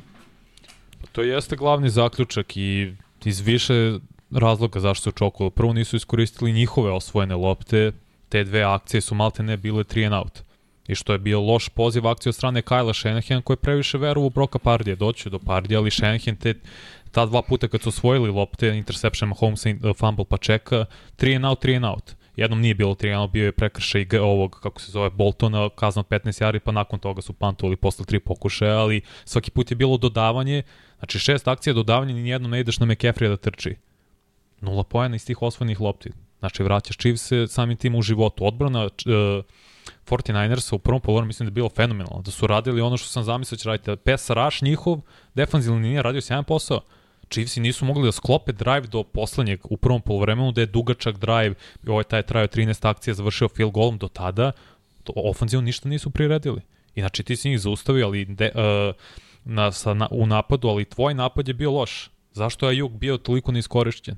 Zašto je bilo situacija... da ti kažem zašto je bio neiskorišten. Ja, ne, jasno mi, je, zašto imaš što je bio i... Banja, ja nisam ne, ne. vidio dugo da ovako neko bude spakovan. Znam, Spakovan. ti si rekao da je- McDuffie je pojeo se. Znam, to smo i najavili prošle nedelje. Mislim, Srki, pusti gra, uh, statistiku. Statistika ništa ne znači na ovom meču, stvarno. Koliko god da je ovde uh, i vidimo brojke statistika, ništa ne znači. Dok ne vidim McDuffie u statistici. Upravo to. McDuffie imao jedan kiks kad je napravio prekršaj i bilo je defanzivni holding, to je vratilo malo u poslednjem drive-u 49ers su život i uspeli su poslednju tri poena upravo u dužetku, ali to je jedna greška, igrao je čovjek sjajnu utakmicu i on i Snead. Dibo Samuel se nije video. Zašto cornerbackovi se ne plaše Diba Samuel? Zašto ga svi i trash talking pričaju? Zato što Dibo Samuel ne trče rute kao Brandon Ayuk. Nema taj talent, on ne trče elitno rute. I ti kada vidiš, vidi par momenta je bio i umoran i to se videlo da on sta, drži ruke lož. i u, između ostalih to, ali drži ruke pre snepa na jednom kolenu i onda treba da krene da eksplodira. Forsirao je previše ka njemu pardi, 11 meta je bilo, a bilo je nekoliko situacija, zapisao sam, imao je Jennings dig rutu na, u drugoj četvrtini, jedan na jedan sa lošim defanzivnim bekom, on gleda sve vreme ka Dibu. Ja te razumem šta vidiš, ali moraš i ti da razumeš da svaka akcija je za, prvenstveno za jednog igrača. I ovo je bila zamisao, gledaj, kad cele godine, šta smo pričali cele godine? Četiri playmakera, četiri grmilice, četiri superheroja. Okay. Mora da im daš loptu. Uh, Shanahan je želao po svaku cenu da njegovi playmakeri dođu da izdrže. Iskreno mislim da je John Jennings igrao 10 puta bolju utakmicu, da je on trebao... drugi najbolji ofenzivni igrač. Naravno, i trebao je da uzme target, ali nije to bio game plan. To je, mislim da je on bio X faktor, taj neočekivani faktor koji je proradio, koji je funkcionisao, dečko je imao možda i najbolji meč pored Kristijana McCaffrey. Pa jesu, Ali sigurno. zamisao inicijalno kad se pravio game plan i kad su se pravile akcije jeste Dibo mora da ima 10 targeta da bi napravio, ne znam, 5 dobrih akcija, Juk mora da ima svoje targete. Ali to, e, to je problem što Ajuk nije desilo. nije imao svoje targete. Bilo je u tri, je- na, evo, opet, gledao sam Znam, znam. samo i ovaj All 22 i gledao šta radi Brock Pardy pred ovaj podcast, Ajuk, Dig Ruta isto, gledao je ka Dibu. A Dibu ne može da se oslobodi čitavu utakmicu snida. Ne, ne pravi nikakvu separaciju. Isto je bilo ono kompletirano dodavanje za Re Re McLeoda i moje, čini mi se da je to post kad je išlo ka end zoni za Ajuka Ovaj namestio je McLeoda koji uhvatio tu loptu, ali je Brock Pardy imao Juka. U 3-4 navrata da su vertikalne opcije bile, Kainz on jednom ga je prebacio, tu je Juk isto sporije istočao na kraju, zaustavio se pa je nastavio. Tu se malo zbunio, mislim. Gledali mislim da je okrenuo sam pogrešno rame. mislim da je a izgubio, Juk. da loptu nije vidio. Inače, to je mogla bude A opasna bilo je opet da. jače bačena lopta. Pa- Bila je, Uhvatljiva je bila. Ali, znaš šta, On stao je u jednom trenutku. jeste. I oni, Zato, je bila, zato ti je delovalo da je neuhvatljivo, ali opet kažem, kad izgubiš loptu, kad imaš predstavu gde se nalazi... ne znam šta je bila akcija, da li je bio kaut, da li je bio zapravo post, ne znam šta je zamisao akcije bila. Niko od nas ne zna. To je jedna od stvari. Zašto, ka, zašto ću kritikovati Pardije? Nije izgledao konforno. Rad nogu je bio loš, realno, to on, ni- on ne radi to. Previše čeka u nekim momentima, imao je loša dodavanja, podbačaje, imao neki sjajni dodavanja. Ima, Ali to da. su dodavanja iz scenere koji je njemu poznat. Prvo ono dodavanje za Juka, to je ono što Amerikanci kažu scripted play. Imaš to ti prvi ri, to ti drugi bam bacaš. U osnovnim situacijama, zato što ofenzivna linija i ono što me najviše brinulo kod 49ersa pre početka sezone, njihov online ne radi dovoljno dobar posao. To je, to je šema, š, uh, zamisao Šenehena, izloči maksimalno iz njih. Ali kada imaš vrhunski, vrhunsku defensivnu liniju, to je makar jednog pass rush igrača kao što je Chris Jones i kao što je Karl Laftis, to sve pada u vodu, zato što online ne daje dovoljno vremena Pardiju, on je nervozan, velika utakmica, nikad nije bio u ovoj situaciji, ubrzava svoj rad nogu. Traljavo to izgleda, onda o, pokušava da kompletira neka dodavanja što nisu možda u njegovom rezimeu, što on to ne radi na konstantnom nivou. Da nije bilo vremena za, za five step drop, za toliko, za, za te rute da se toliko razviju. Ali opet, ja moram ti priznam, nije, ovaj, jeste prva utakmica za njega u Superbowlu, nepoznata teritorija, mm. -hmm. neki novi pritisak i sve, ali uh, nije me, nije me razočarao. Ne, ne kažem da je Šta više, razočarao. ne, ne, znam, znam da ne kažeš, nego ja ovako svoje mišljenje kažem. Nije, nije me razočarao. Ča, šta više, mislim da, da su 49ersi našli quarterback. Mislim da bi dobili ovaj meč da nisu uprskali na sto drugih strana. Jer niko ne igra savršeni futbol. Mislim, i Mahomes koji je ono, da kažemo, tata, doktor, glavni, baja, trenutno je imao interception i ono, ne, neke loše poteze u prvom polovremenu. Ali video si kako, kako utakmica odmiče, sve više staloženi, smireni, uh -huh. samouvereni i došlo je do toga da, da, da se sve Čekaj. reši u gl- gledaš ga na, na, na, na bukvalno u- u autu dok sedi, dok sedi na klupi. Nema tu drame nikakve. Mm. On samo čeka, ok, kad, kad ćemo mi ponovo? Znaš, kad ćemo ponovo i to je to. I to je to ono što smo imali. Samo bih se vratio korak unazad. Ne samo analizu utakmice, nego ljudi. Četvrta titula u istoriji Kansas City Chiefsa. Treća sa Mahomesom, pre svega s Mahomesom. Dodaću i Kelsey, pošto je bio u sva, tra, ta, sva tri Superbola u kojima su, pa i u četvrtom u kojim su izgubili. Ali, ljudi, pričamo o dinastiji. Gde su oni sada na spisku večitih? Imamo Ček, ček, možemo završiti samo da čekaj, završimo. završimo okej. tekmu, Ne, završimo ne, samo, tekmu. samo da uđemo u ovo. Koliko je velik to moment? Ne, ne, ne mislim da prekinem tekmu, nego samo ti si u tom momentu, on uopšte ne, on je totalni hladnokrv. Pa nik, nikad, ni, nikad kad imaš taj pobednički mentalitet, ne Nema ga. razmišljaš o tome šta će bude to, posle. to, to, on sledeća Tebi- akcija, tebi je kaču lagano. na teren i to je Ne to. razmišljaš ti, ali... A to je ono što je fenomenalno. smešno je da poredim, ali kad smo mi krenuli da vezujemo na ovim prostorima titule i igraš neko finale, bez otpisan si ranije, mnogo ranije. Jasno. Ti ne razmišljaš. Ma ne razmišljaš o Znaš tome. da, ne, da li će biti ovo i šta će kako? neko sud. To Ma jog, brate. Ma nevazno. Nego ono, e da radimo, znaš, Va- samo da, razmišljaš to, ono to. što mi radimo uvek, a to je sledeći play. To, to, to. E, taj sledeći play vidi se u očima 49ersa da ne razmišljaju o sledećem playu, kao Chiefs, Chiefs kada razmišljaju o sledećem playu, gubili 10, vodili 10, Ali šta zato- god da se zato- desi, vidiš taj, tu neku smirenost koju oni imaju. To je taj moment Jedinstvena koji je si imao smirenost. sa Bradyjem, ovo su bukvalno naslednici od te dinastije, naslednici, pa još pride AFC, ali ljudi... Uzeli su pogledaš, štafetu, nema šta. Znaš, to je to. Sva, stvarno su, stvarno su dominantni. Poslednjih 10 godina imaš New England Patriots, Denver Broncos i Kansas City Chiefs iz AFC-a. Od čega su tri Superbola, jel te, Chiefsa i tri Patriota.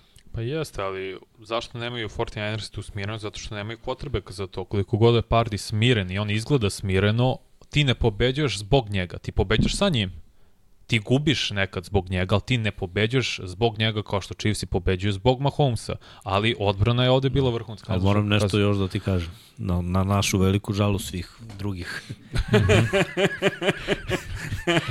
Reci. Nikoga ne pobeđuje, brate. Ne, ne, ne, Pa, ne, pa okej, to... Ne, ali Pobeđuje ga Joe Burrow i kraj. Tom to je kraj to liste, smo se brate. dopisivali kao Baburov. To, to, To je kraj liste, brate. To je to. To je ali jedan, oni su tu, taj meč izgubili jer je Mahomes bio loš. No, zbog svojih grešaka su taj meč izgubili. Ne zato što su bili nadigrani, nego su oni sami sebi pucali noge. Fo, uh, Pa Kansas dobro. City Chiefs u tom finalu. Ako ajde, Šta znaš? protiv? Balbura Da. pokidu. Vidi, ima Ima još jedan... iskoristio te prilike koje su im ovi pružili. Ne, ništa Ali to nije sporno. po- Šta hoću da, kažem, u top 10 quarterbacka koji, quarterbackova koji imamo, nažalost mi možemo pričamo, evo, moj za tim koji ja navijam, moj MVP i ništa, brate, ne. Stalno dovodi do pobede i gde je protiv Mahomija, nema ga. Uh, Josh Allen, stalno tu u nekoj Pa, malo pre priči protiv Mahomija, koji- nema ga. Drugi najbolji, ali to je to. Kad najđeš na ono... Nagledali smo se i Herberta protiv Mahomija dva puta godišnje, pa opet nije dobro. Bre. Uvek je blizu, uvek je, ne znaš, sve je u redu, ali Pa Jordan La, da Pa pa, da, Veće, razlika Da, između da, da. Mahomesa i drugog quarterbacka nego drugog i petog. Ajde tako da to kažem. pa, bukvalno. To ti je, Jeste, to ti je bukvalno je- najbolje. Jeste. Ne, i nije kritika Pardiju, nego samo O, bio jeste. test za Pardiju. Ne, ja ga ne bih O, sad, kritikovao. sad ću, ja nemam, Ne, nemam dobro, greške. ne, ti udri, ali vidi, vidi, Vanja je naoštrio pero i jezik. Ali šta hoću da kažem, znaš zašto meni nije kritika? On je dalje bio Mr. Irrelevant. Pojavio se, nije Tom Brady, nije taj, e, bio sam ne znam gde, na dnu drafta, poslednji koji je izabran i sad ću da osvojim sveta. Ali, ajmo ovako, da ne idemo nula jedinica. Dečko je odradio i dalje veoma dobar posao.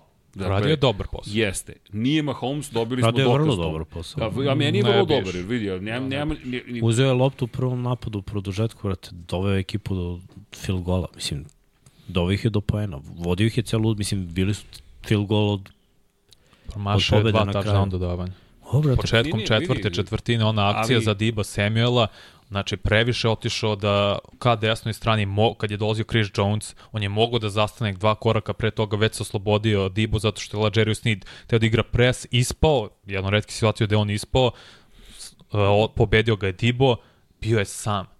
Sam, dva, tri jarda separacije, baciš odmah. Ali- Ti znaš to. On Trebalo je čekao trebalo previše i onda je dobio ne udarac. kažem da nije grešio. Greška. Ne kažem da nije grešio. Ali njegove Grešio greške su ključne. Grešio. I promašaj su ključni. Nisu njegove greške. Znaš šta je meni ključne, nego njihove greške. Samo da vam ostavimo ovo. To je, da, dva, to je 12, 14 poena. 12, ne znam da li će biti field goal. To je šut za dodatnim poen. on, ono što ja hoću da kažem je samo, ovo je bio test iz te perspektive, da li je on čovek dečko za velika dela, u smislu sad si na najvećoj sceni. Pa nije. Protiv, pa nije, ali samo hoću da kažem, vidi, dobili smo odgovor na pitanje. Nije, ja, ja nisam znao pre toga, jer da je drugačije završen ovaj Super Bowl, da je on pogodio neka od tih dodavanja, da je u tim ključnim momentima rekao, bez obzira kakva je scena, ja ću to da uradim.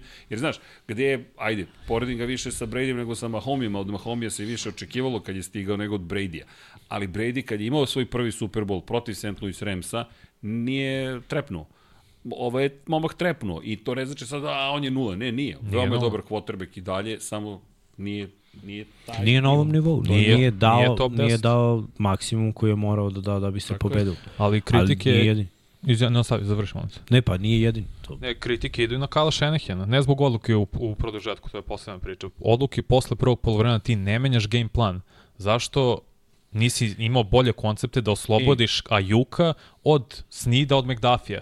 A bilo je akcija, da se, bilo, znači, bilo akcija da je McCaffrey išao levo, da je onda iz motion išao na suprotnu stranu Dibo, McDuffie uzeo McCaffrey, Dibo je uzeo Snid i onda si imao jedan, na jedan situaciju Juk sa, sa Justinom Reedom. Pobedio si u toj situaciji. Znači, mogao si da napraviš bolji game plan, da promeniš, da prilagodiš, jer sve, svesni se da imaju dvojicu lockdown cornerbackova, kađi lošije mete. I imao si uspeha sa Conleyem, imao si uspeha sa Jenningsom koji su išli protiv slabih DB-eva, pobedili su, imao si par situacija sa Jukom, zašto to nije bio više game plan? Da oslobodiš svoje najbolje hvatače od njihovih najboljih cornerbackova. To je moje pitanje za o, Kyle Shanahan. ja imam pitanje za vas dvojicu. Meni pomozite da razumem. Zašto je igra trčanjem nestala? Jel odbrana Kansas City Chiefsa zajedno sa Spanjolom, Spagnolom, kako god ćete da ga zovemo, dok čovek je Spanulo. Spanjulo, odradio je doktorski posao ponovo. Jest, I, I samo je pitanje, jel, izvini samo, treba mi odgovor. Odgovorit ću ti. Napad popustio i izborom svojih akcija, game plan nije bio dovoljno dobar za ono što ih je dočekalo, ili odbrana prosto rekla, nećete. Odbrana odradila odličan posao, ali moje pitanje za tebe, koliko želiš da Christian McCaffrey puta pipne loptu na tekmi? 50? Ne, ne, ne, ne, ne, ne, ne, ne želim da, ok, to, ali to znači da ima samo Kristijana McCaffrey i to je to. Pa jeste. On je, ne, ne, ne, ima samo jedno koje je konstantan uvek bez obzira na sve, a to je Christian McCaffrey, ali zašto nije bilo više trčanja? Zato što je čovjek imao 40 dodira s loptu, što nije problem ponekad, ali video si, uh, nije bilo blokiranje na nivou na kome je trebalo da bude. Dakle, napad nije Od Pa, ofenzivno. k- od ofenzivne linije je krenuo problem da, da se rupe nisu otvarale na način na koji je trebalo. Prvo, moramo da kažemo da taj front seven Chiefsa, pričamo sve vreme secondary je elita. Front seven nije elita, je vrlo, Nije vrlo, vrlo šest, dobar. pet. Vrlo dobar. Ako je elita 6, to je ono posebno Chris Jones iznad. Ovo je u, u sredini zatvara unutrašnje gepove. Bolton je vrhunski linebacker, pričamo to koliko već tri godine da je top 5 linebacker. Willi Gay pokriva čita u širinu Znaš, terena. Brzi su lateralno, brzi su na- do linije skrimiđa. Imaju dobre instinkte. Njihovi koraci ti nikad nećeš kao kod Freda Warnera, što, što, kako prepoznaš dobrog linebackera. Njegov korak nikad nije nazad pa. Je kapiraš? Uh, krene play, pa jasno. ti ideš nazad, pa Ne, no, lateralno ili napred ili ovo. Ne, njegov korak je prvi pap. Pročito sam, znam šta rade, vidim tu i idem. I, i to, to, to radi i Bolton vrlo dobro. Bilo je jako teško trčati. Probali su, dali su lopte McCaffreyu. Ja nemam problem s game planom, stvarno nemam. Ja, jako je teško protiv ovakve odbrane, mislim, zvati savršeno. Prvo, ajde da se vratimo dve utakmice unazad za, za San Francisco. Nisu problemi nastali u Superbowlu, a oni bili najjača ekipa svih vremena. Problemi su bili posljednjih mesec dana regularnog dela sezoni, dve utakmice u play-offu, gubili od Green Bay. Nisu mogli trčati protiv Green Bay, pa šta je, Green Bay nije defanzivna institucija. Detroit Lions, mislim, nemamo shvatiš pogrešno, ali Detroit Lions nisu na tom nivou ekipa. Uh, opet, bilo je problema da se uspostavi igra i protiv Detroit Lions. Mislim, dobija, dobili su ih na neke big play-eve, srećne play Brandona Juko na hvatanje. To je lucky play. Detroit Lions su trebali da pobedi. Green Bay Packers je trebalo da pobedi. Slažem se. Ja, ja, razumeš? Ti si to i još i video. Pa nije vidim. Što, dva srđana su video. Pa mogli su i ovo da pobede, Mogli su ali šta je na kraju? S druge strane je Mahomes. A Pa zašto ni, imam... uh, i odbrana koja je malo bolja od ove dve prethodne gde su dobili. Jasno. Ova odbrana je bila za nijansu bolja da to nije moglo da prođe. Te, te neke stvari koje su, 49 su se krpili u finišu tih utakmica u play-offu pre. I onda je Brock Pardy dolazio do tih dodavanja papa, papa radio, juk uvek je bilo neke rupe. I uh, greške su bile quarterbackova. I na jedno i, i na prvo Jordan Love baš pogrešio, bacio dva interseptiona. Uh, Jared Goff Ispuštena lopta zapravo. Nije dao loptu čoveku u, u broj, nego mu je dao malo pored. Da, nije greška kvotrbeka, greška je hvatača. Ali, i A ono, opet, mogu si da se, da, okej. Ja razumem, Razumem te. greške, greške, ali- ali, ovde je došao Burazir koji ne greši. Da, Znaš, gde ću ti, šta ću ti reći što se tiče trčanja, gde bi pogrešio, Mix nema problem s play callingu, ja imam poslednja akcija 49ersa, treći za četiri i daš loptu svom najboljem igraču ruke, ne ide to pardiju, ideš McCaffrey, ideš jumbo, formacija, ako prođe, prođe, ti si makar dao svom najboljem za igraču pet. za četiri na, u produžetku. Treći za četiri A. bio, kad je bilo ono neko, kad je Chris Jones imao sjajan potez. Ja imam i u... Oh. Ne znam da li je... Da, ja mislim da je na kraju, tako sad ne mogu da se setim. Kraj utakmice regularnog dela je bio Kada pas su- nekompletan kad, kad su ostavili minut vreme, 52. Tako je. Ja razmišljam da su šta to- radiš. Zašto to Je, radiš? to je, A što, zašto je 5 yardi Srki, daleko je to, Znam, ali, brate. ne, a- ali, ali potroši to vreme. Ali, gledaj, mogu ti kažem. Znam, šta ćeš Šta, mi šta, reći. bi, šta, ali- bi, šta bi, evo, ne opravdavam, ja, ja kao ja da sam coach, pošto sam ko, konzervativan kao coach, ja bih gledao tu da ostavim što manje vremena. Tako je. Ali moram da ti kažem s druge strane kako bi pogrešio. Jer je Mahomes u isto, Srki, me, minut 52 okej. i minut A, 12, znam, njemu je daš mu isto. 37 sekundi, on će da drugačije... Ja da razumeš, 30. ali gledaj šta si dobio pričaš. ako slučajno Ako prođe, sve prođe jasno. taj quick slant, Ima smisla. Ima smisla ti si rešio utakmicu. Znam, jer Chiefs više nemaju loptu. Tako da ne mogu da ga ali, krivim ali za to. vidi, izvini, to ti, meni šta sve ovo što pričamo Znaš koga govori. krivim? Koga? Uh, krivim Krivim ono ko nije Ne, ne, ne, draftao ne. Mahomesa. Ne krivim Pardija što nije to kompletirao u tom u finišu regularnog dela. Znaš da Chiefsi i Ravensi najviše blicuju sa defanzivnim bekovima. I znaš da koriste Rida i McDuffie najviše na tim blicima. I vidiš McDuffie u slotu i ne zapitaš se za dodatnu protekciju da ga neko ono katuje samo da, da ga uspori, da Pardi može da baci taj quick slant, nego ga pustiš da ide. Naravno da će quarterback da baci loptu da ne bude presečen pas Jasno, odmah jasno, jasno. kada vidi u full sprintu ide jednog od najboljih cornerbackova u, u ligi All pro. ka njemu. Ja razumeš? Ne, Ali, nije, vidi, meni šta sve ovo govori? te Imaš akcije. odbranu koja je takva kakva jeste. Imaš šutera koji, jel te, rekao bih dobro, Panter, izvini, za Kansas City Chiefs. No. To je, ljudi, od zlata Tommy vredna Townsend. pozicija. Čekaj, ono je stvarno, treba da imaš takvog igrača. I imaš Mahomija plus Kelsija u napadu, još ne, možda smo dodali nikog drugog, neću da dodam, imaš Andy Arida kao trenera, ljudi, ovo je bukvalno opis ekipe koju je tako teško dobiti. Znači ti si možda dobio nešto na odbrani, ali onda će napad da ti se pojavi. Pozaustaviš negde napad, ti je njihova odbrana. Napad nije funkcionisao kako je trebalo. Odbrana je održala u životu tu ekipu. Nema, nema dalje. Pazi, oni su zustu, Fortinajci su nešto krenuli još gledam taj prvi napad koliko je nesrećan. Ti si stigo brzo i ispada lopta. Nikog ne krivim, to, su- to je futbol. Ne, neko odigrao bolje od tebe, ali kako dobiti Kansas City Chiefs-e? Znaš, Pa ne može da dobije. Tu je- plaš, tu je- teško je. Pazi, to je delovalo da, da, da je čovuk, ali ono su čisti šokovali cijelo prvo polovreme. Ne znam, ali... Mislim, ajde ovako. A, ali onda imaš odbranu koja ti ne da da to iskoristiš. Razumeš? Ti čoukuješ možda u napadu, ali kakve veze ima? Koja je posledica? Pa zato što nemaš poena iz osvojenih lopti, to smo rekli odmah na Koja je početku. posledica? Ništa, nikom ništa. Razumeš? Ali Chiefs su dva puta I, i još pogrešili. greška specijalnog tima, izvini, 49ersa. Pa znam, to su opet, to je o, faktor sreće. Meni je to lepota američkog futbola. Koliko je teško sklopiti ekipu, razumeš? I ti si sad ovde gledaš ovu ekipu i znaš šta će da se desi. Znaš na kraju, koliko sam ja tipao na 49erci je bio u fazonu, da, jer mi je to bio tip na početku play-offa, pa nisam teo da menjam. Znaš, kao, e, sad ću da promenim. Ne. Ali ti znaš, da, okej. Okay. Imaš Mogu- novog vampira. Pa mogu ti kažem nešto. Evo, ovo je bio, ove dve godine kad su osvajali Chiefs. Da. Ovo je bila najbolja prilika da ti njih pobediš.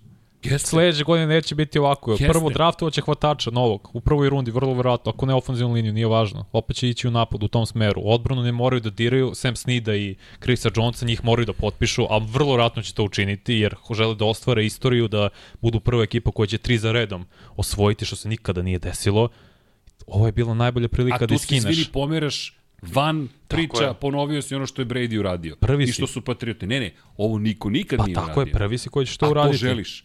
I pritom, to je problem. izvinjam se, momci, da, ali moram da kažem, Mahomi, ono bacanje ukoso s leva na desno, u, u ručice, i čekaj, ono je stvarno, stvarno Čekaj, Srki, sad ćemo Tako doći tako se zagre, preumivanje ujutru. tako Razumeš? baca sapunu. Čekaj, ali bukvalno, ne, ali, ali čekaj, on trči i ja gledam, rekao, ovaj će da baci nemoguće. Ti tačno vidiš da on uživa, da je on u fazonu, ovo je sad brza fotografija, ovo je za show reel. Evo vam nešto za NFL. Sad ću, sad, Brza fotografija. On ga Bukvalno- baca i... O, plop. Znaš šta, znaš šta mi je bilo jasno još pre 3-4 godine, mislim, Mahomes je Steph Curry, ono. To su te stvari koje imaš tak, tog jednog koji će da uradi nešto što drugi neće. Neko ludilo izmislit će nešto i, i prome, mislim, promenit će. O, kad se pojavio Steph, svi prangeju sa 8-9 metara. Kada se pojavio Mahomes, svi ovo pokušavaju. Ali niko ne šutira dobro sa 8-9 metara kao Steph. Da, da. I niko ne baca ovo, Ovo, ne, kao Mahomes. Evo, idem levo, bacam desno, ne znam koliko yardi, znaš, to je ludilo. Ali Mahomes imao dve greške na utakmici, taj interception i na kraju utakmice kad su morali da šutnu za tri poena i gledao je ka Kelsey uporno, a imao je opet Rashia Rice-a kroz sredinu, Koji... sam, touchdown, gotovo utakmicu. To je moglo da ih košta, jer je bio opet Kelsey je pokidao drugo polovreme, imao je 92 jarda. Ali opet ti kažem, čuo sam šta je bilo u Hadlu. Sad kad sam radio ovaj magazin.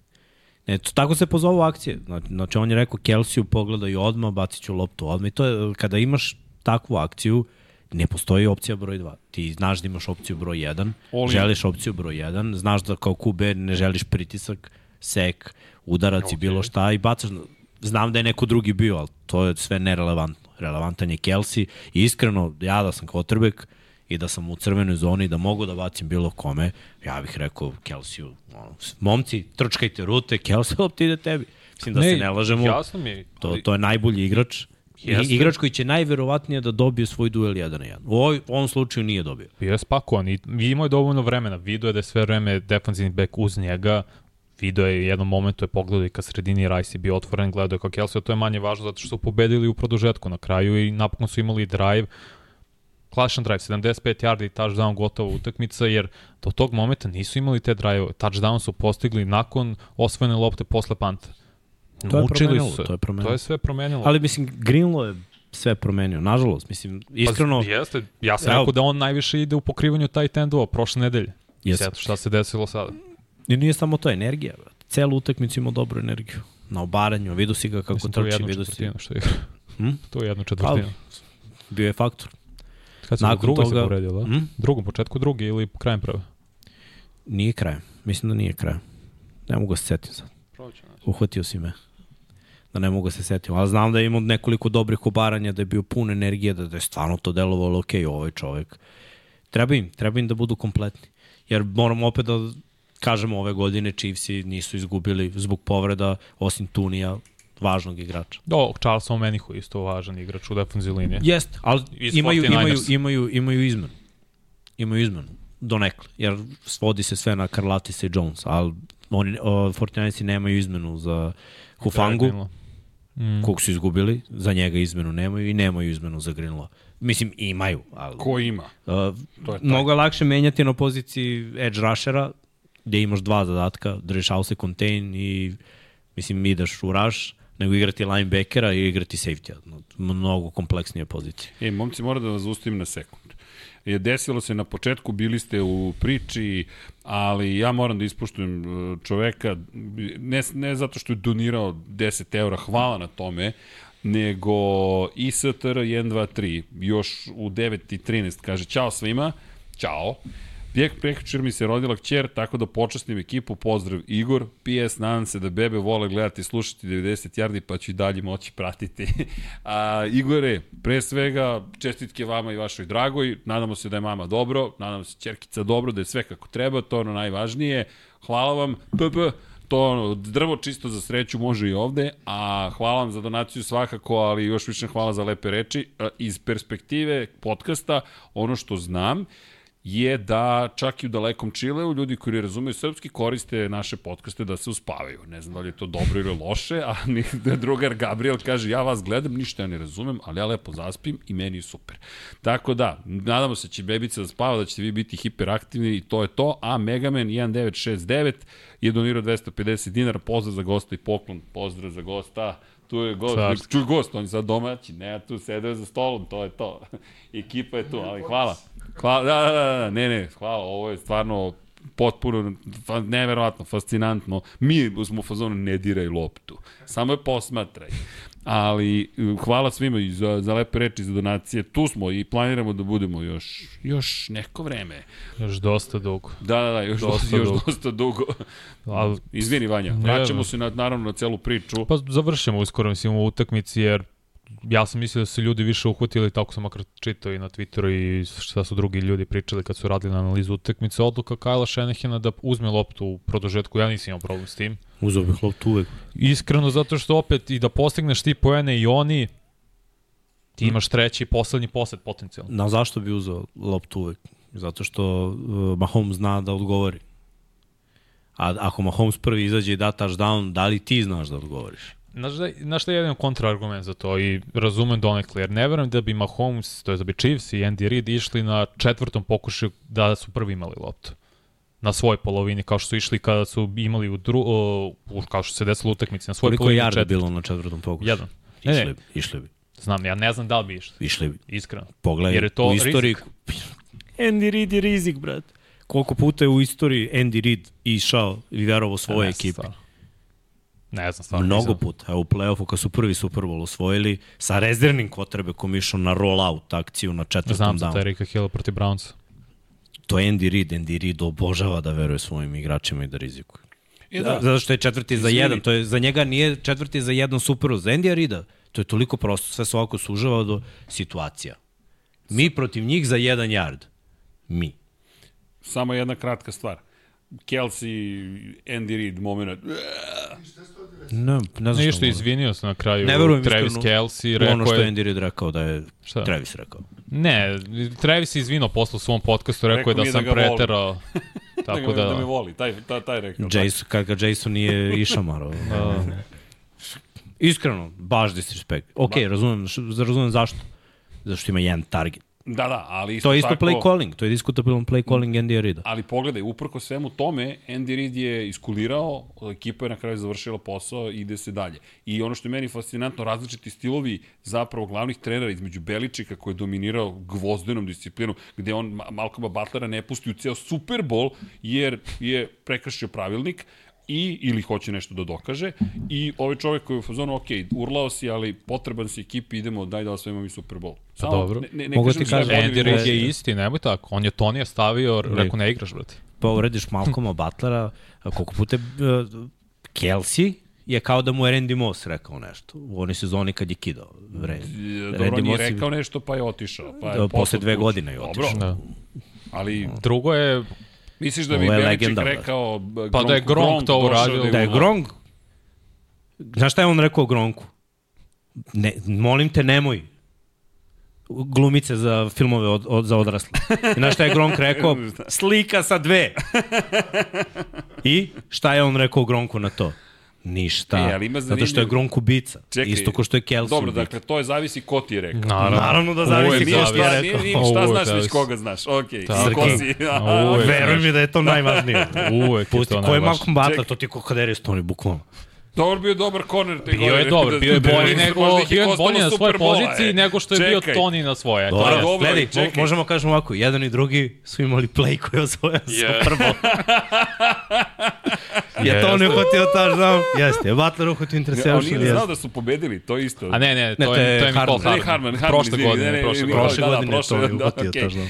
Vidi, ali, ali, ali ove godine ti imaš, evo sad sam ja pobešao godine, razumeš, kompletne, apropo šta se sve dešava i kada si komentator, jer nije, i bilo je naših koji, koji, koji, koji su, ne znam, ajde, ja hoću da ih pozdravim, su se izvinjavali, ali, e, ljudi, dešava se u poslu sve i svašta, svi smo mi ljudi grešimo. Ali poenta jeste da, da, da, u celoj toj priči, znaš, gledaš reakciju, moj brat me gleda, kao, ovo je normalno ponašanje, kažem, Ivane, da je normalno ponašanje, za ovo letiš iz ekipe, otprilike. Ali, ali nije se desilo. A Ne letiš kad si Jimmy. Travis Kelce. znaš. A, to, I to kad ti je... devojka Taylor Swift. Ne, brate, kad, Ajmo sad, kad si... Hall brza statistika, šalim kad, se. kad si Hall of Fame. Koliko Pede- sekundi je Taylor Swift 54. imala? Tako je. Znaš, 54 sekunde u Superbowlu, Taylor Swift i Swifties. Ima, ej, super je komentar, kaže, ja ne mogu da verujem. Swifties znaju 3 meseca za američki futbol Da, i osvojili su titulu. Ja pratim 30 godina, ne može tim da mi dođe do Superbola. Ne, Duže od Zaka Preskota. da, da. Ne, jezivo, jezivo. Ali dobro. Ej, Daka najgledaniji događaj svih vremena. Pojedinačni događaj. Pa da. Preko 120 miliona gledalaca kada pogledaš televiziju i platforme za Platform. streamovanje. To su od Oba Analytics izbacili i Nielsen, sad sam baš proveravao, što je skok od 7% u odnosu na prošlu, prošlu godinu. A prošle godine bilo malo jače od 115 100. miliona. Tako nešto, 115 miliona zvanično kad pogledaš sve platforme Da. koje su prikazivale. Ali nova gledanost baš šire. Da, zbog Ašera. Zbog Ašera, Ašer, Ašer im je ubio. Što im je ubio? šalim Što se, dirate šalim- Ašera, Šalim bro? se, šalim se. Što je dobio nula para? Nije, Nije dobio, dobio dobio nula nula para. i prava da, na, na eksploataciju. To je kao... Za sam koncert je platim ti dobio nula Da 600 iskopaš rude, ali su tvoje. Za sam koncert je dobio 647 dolara, posle još mnogo, mnogo, Ajmo mnogo para. Asher, patreon.com, kroz Infinity Lighthouse. Da. Na, na, u redu je 6 dolara. Dečko se potrudio, brate, maksimalno. Ja, Ne, ne, sve ja mu okej. dajem respekt, brate. A, Ne, respekt. može mi Skinuo je 4 kila znoja, brate. Izbacio sve što je mogao da bi isplesao tamo ljudima. Evo, može miksa, to je koliko je teško da pevaš, plešeš i da si na rollerima u isto vreme. Aj sad uh, prvo skači, dok radiš podcast 10 minuta i 3 minuta vozi rolere i priča. Daj pet rolera. Izvini, rošule, ne rolere, rošule. rošule. rošule. Ako se sećaš kad Ja si bio to- mlad. Sećam se kako se ne sjećam. Misliš da li se... A, hvala ti. Da li si vozio, ne znam. Jesam. Ne, da li se- Čuj, vozio mu. Jesi rošulao po kraju? Rošulao sam, padao sam na nos, ja sam bio biciklista. Daj mi bajs, to je, to je moje prevozno sredstvo. Malo trotinet, pre elektrotrotineta, rk, rk, rk, i mislim se, idem uzbrdu, car Dušan u zemlju, šta je meni ovo trebalo, daj mi moj bajs i to je sve u redu. Sve u svemu. Sve u svemu, sve, sve u svemu. Znači se- će još dugo vladati, nažalost, po sve nas, jer opet, mislim da će samo biti bolje i bolje. Imaće bolje kako, hvatače, odbrana je najmlađa u ligi bila, vratit će sigurno još makar godinu dana i Jonesa i Snida. Ja ne Nisam siguran za to. Znaš, Pa rekao je da se vraća. Ali ja ne verujem generalno u taj princip, vidi, na, iz čistog iskustva sa iz svih mogućih sportova. Uvek to tako deluje, ma nema nešto, nema ništa, nema ništa. Neko se desi, nešto se desi, pojavi se, ne, znaš, ne mogu sada predvidim i da ti kažem, e, bit će odavde ili iz ove divizije ili, ili možda iz konferencije, znaš, jer mi pričamo dosta AFC-u, šta će NFC, jer ima nekog u NFC-u da izađe ovde na A Megdan. San Francisco 49ers imaju super priču i dalje, jer su njima Gen, Ki- Kinlo i Chase Young zapravo glavni slobodni agentni. Tek sledeće godine oni moraju baš dosta igrača da plate, ali bit će kompletni sledeće sezone. Samo je moje, nije problem za ono što sam shvatio jeste da je Kyle Shanahan Andy Reid. To sam rekao u prenosu kad smo radili. Misliš dok ne dođe Mahomi kod Tako njega, je. nema Ista toga ništa. situacija, maltene kao što je Andy imao u Filadelfiji, to se dešava sada Shanahanu, naravno uz jedan Super Bowl više, sada sa 49ersima, ali on bez elitnog jednog hvatača, mislim da je limitiran da samo stiže do finala konferencije, eventualno Super Bowl da neće osvojiti, da treba bo- sačeka njegovog Mahomesa. Tako mi deluje. Mogao je da uradi sa Pardijem, ali mu je trebao, znaš šta je Endijevo isto velika stvar, Spanul mu sve vreme tu.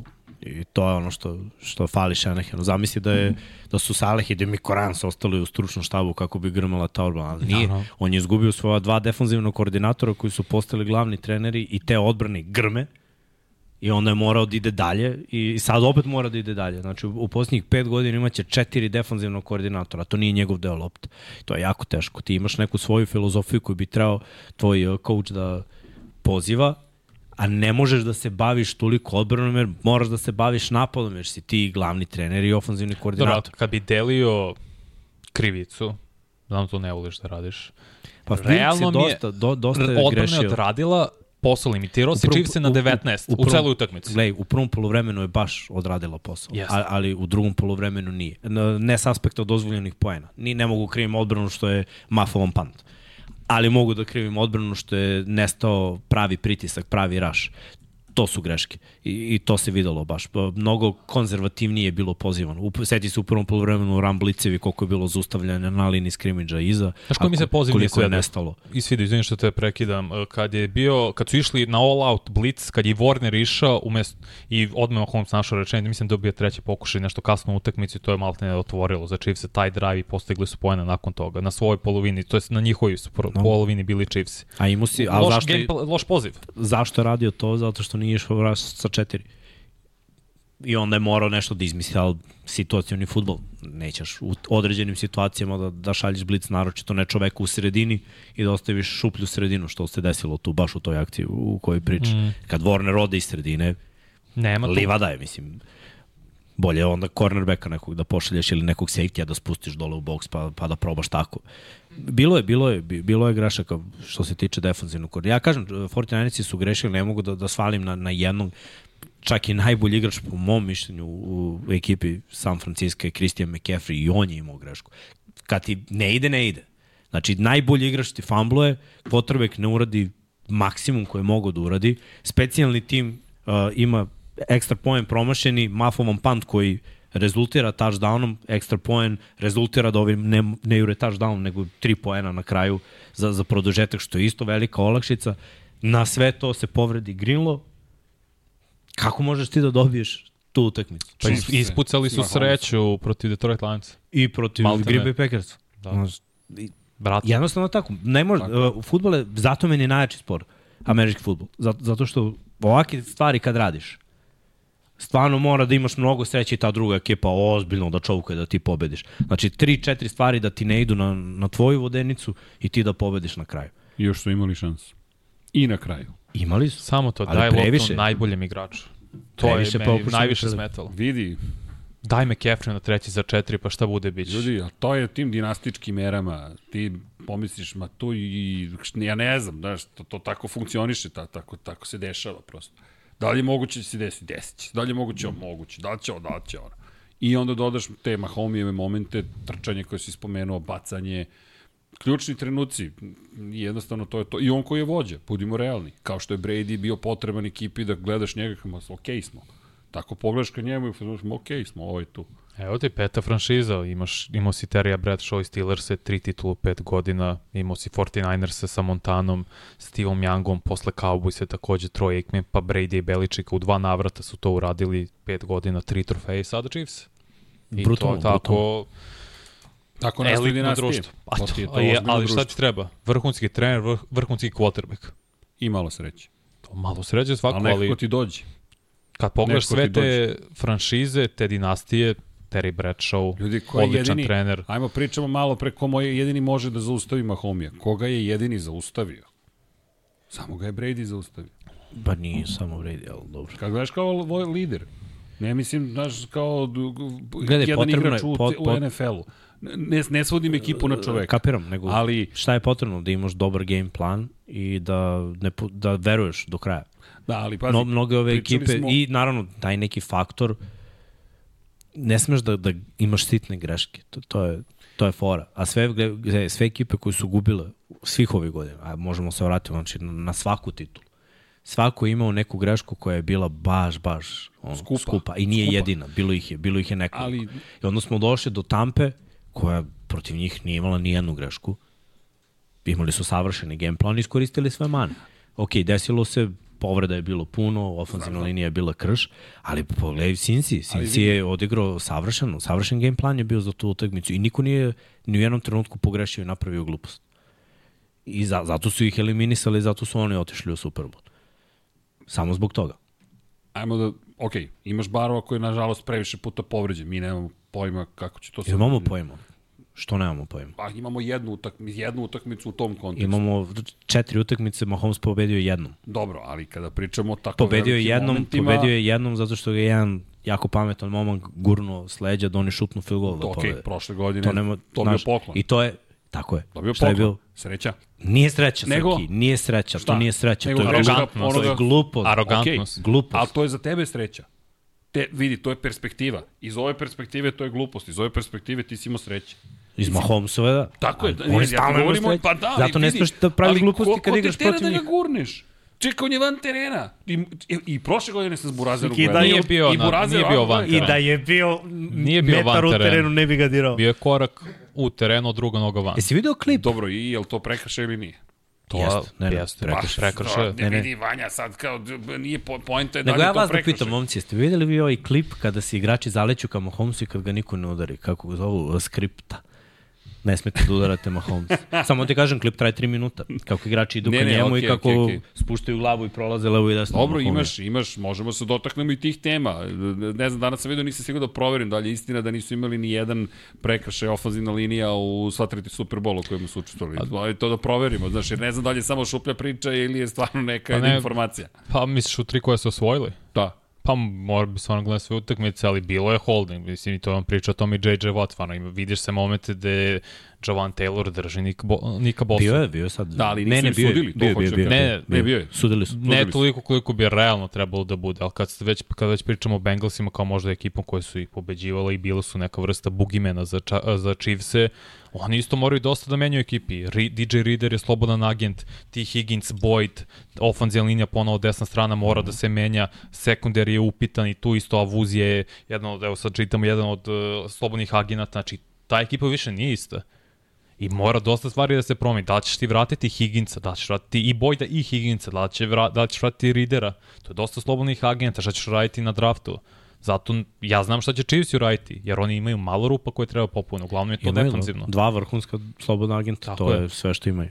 Ovo ostalo rešio. Da se ja vratim i koliko god ćeš da puti da me oborite ili oboriš kako god, Brady ga je pobedio u finalu konferencije, Brady ga je pobedio u Superbolu, ne dirajte mi generaciju i iz još jedne perspektive, Mahomije su pitali je se porediš već sa Tomom, s obzirom na činjenicu da imaš manje od 33 Superbola, rekao teško mi je s obzirom na činjenicu da me Tom pobedio u Superbolu.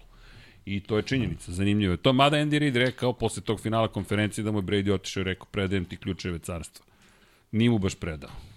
Pobedio ga dve godine kasnije, ponovo. Predao mu je ključeve AFC-a. AFC, da, da, da, bravo, Vanja, bravo. Da. Rekao sam ti ovo, ali Dosadno. ovo je ovo drugo. Ne, ne, dominantno su sjelo u AFC. Čak su ove godine prvi put radili nešto što do sad nisu. Igrali na Na strani. gostovanjima, tako je. Tako da, znaš, to, to, to vidiš da za njih ne predstavlja nikakav problem. Zato, I opet lepota američkog futbola, ono, jedna utakmica. Da, da, da, nema popravno. Nema, brate. Nema tu popravno. jednu moraš da uradiš Jedeš se savršeno. ceo život i ili slaviš ceo život. Tu onda nije ni toliko Slaviš strašno da li si kod kuće ili ne. Slaviš. Red. Bolje je kad si kod kuće, Jeste. ali ako si vrhunska ekipa, nije strašno. šta, Možda neki- nađeš način. Redko Nemam kad pojma. se dešava ovo da ti pobediš u svakoj playoff rundi ekipu koja ima 11 ili više pobjeda. Mi znamo kako su u Miami, ok, sve to stoji, ali opet, a Miami ima 11 pobjeda. Pa dobro, Buffalo ima 11 Redko se pobjeda. dešava da što imamo tekmu više, znaš. Pa i Dok to, je bilo ali 16, nije baš bilo 11. Često. Sad sa 17 je, znaš, zato i kažem, ne kažem, možda se i dešava Dobro, da ima dvocifren broj pobjeda, opet, ali znaš, ovo je impresivno. Opet je impresivno da ti gledaš to pobedničke ekipe. Nisu oni došli baš na ekipe koje su, ne znam, šampioni divizije 4, 12. Pa gledaj, osim, oni su osim odbrane. oni su se preznojili ozbiljno i za Bills i, za Ravens, mm. -hmm. koje su bile rešene obe utakmice u četvrtoj četvrtini u poslednjem napadu. Obe. Nije bilo kao da, da su druge ekipe bili favoriti, jer Jasno. Chiefs su držali kontrolu, ali realno gledano preznojavali su se.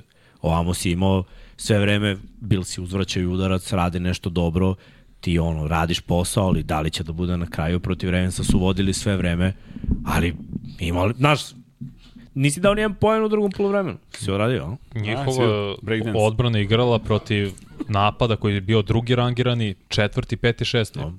Odbrana je... Ne, Znači, zaustavili su maltene najbolje napade u U NFL. odbranu ja nisam sumnio uopšte. Mislim, nismo mi. Mi smo pričali prošle nedelje kad su ovaj, pričali ljudi o, o San Francisco da će i za takav napad biti ozbiljan test igrati protiv ove odbrane Chiefs. Jer ono što su oni prošle godine radili su im klincima, ovo su klinci, je nečuveno. I dalje su klinci. I to je Pa. problem. Osim Snida. A mislim da njega možda nekog neće potpisati. Ako će Jones da ostane, Jones i, i Snid imaju sada najbolji slučaj da traže brda para. Snido, staviš franchise tag. Jonesa moraš da ideš na dugoročni ugovor, zato što i- ni Jones nije star. Jones će tek sad 30 Ne kažem godina. da je star, nego je sada vreme da orobi banku. Znam i mora Jer se, mora, mora, trostruki Chiefs i moraju da mu ponude. I stalno najbolji igrač na poziciji, ako mislim da okej, okay, razumem, možda mu je stalo da osvoji četiri, ali ako će nekad uzme pare, sad je pravi trenutak. Iskreno. Sve se naginje ka Chiefsima i sledeće godine. Naravno. Imaju dobar draft kapital, svoje pikove, Gledaj, biraći po ono. Ja sam svoju sezonu za projekcije da će Chiefs biti loši ispucao. Kad je bio mini rebuild prošle godine, kad nisam znao šta će biti od ove odbrane. Šta će biti s kućom? Pa nije, pa nije se znalo. I prošle godine, i prošle godine su osvojili, sad nema sumnje više, to je to. A mi možemo da gledamo, ovaj, pošto je to kao sumiramo utiske, to je to. Za 49 se sledeća sezona, znači se sledeća sezona, opet šansa da se ovo ponovi postoji. Realno gledano, ovo su najkompletnije ekipe. Da, može da se malo u free agency poboljša, da se poradi na tome da ostane slična ekipa, ali realno gledano Dobro izgledaju. 49ersi su pet godina posle njih u samom vrhu NFC-a, Chiefs su na vrhu lige i AFC-a. Vrlo verovatno, kad bi sad pravili power ranking, da bi nam opet ove ekipe bile u samom vrhu. I ima smisla da bude tako, realno. A možemo da vidimo I naš vidi. prognozici to. Ajmo. Ajmo da bacimo pogled. Ja, kako mi malo. Ja, obroče, pardiju. Malo falo da bude drugi. Da budem drugi, da budem drugi, fakat. Ja znam samo ovo. Ja, kako ste se... Dom Pablo je odigrao loše, neiskusno. Oni i ja smo verili 49ers. Don ali- Pablo, su, stigli smo ga. Stigli ste ga, jeste se izde, vidio osmeh na licu koliki je. Vanja, Miksa, Dom Pablo. Dobro. Erceg, Srki, Jimmy, Jimmy, J- Jimmy, ja, 38, 46. Jimmy ne ide u ovaj playoff. Dva sređenja imaju 76. Da, mi imamo 7 od 6. Da, da. 7, 7 pobjedi, 6. Aoo. Hard. Oni su očo sinko. Emanuel. čestitam. Čestitam momci i Dom Pablu. Ne znam ko je taj breaker, kako to sad funkcioniše. Nema taj breakera, Super delim. Bowlu. brate. Nema, delite, dobro. Enough. Tiebreaker koji je birao ekipu u Super Bowlu, taj A, to je. tiebreaker. Taj break, znači vas dvojica ste sada pobedili. Tako je. Pazi Podelit ćemo ovaj na trofej. jedan, Da. Danas, danas ga je zaboravio u kafiću. Za malo. Ostavio ga na stolu, sav uzbuđen, nosi ga svugde, stavio ga, popio svoj, ka, svoj čaj crni i otišao. I od devika kao, "M, trofej ste zaboravili.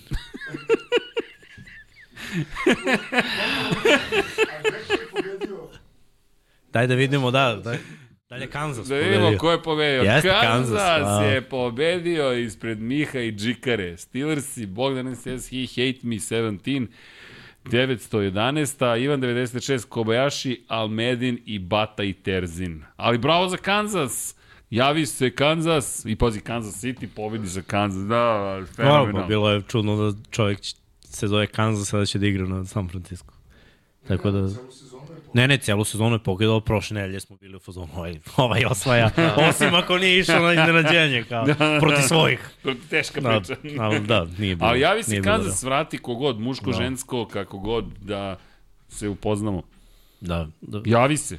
Javi Da te- da se te ugostimo. Kansas. Dakle, 99 yardi at infinitylighthouse.com.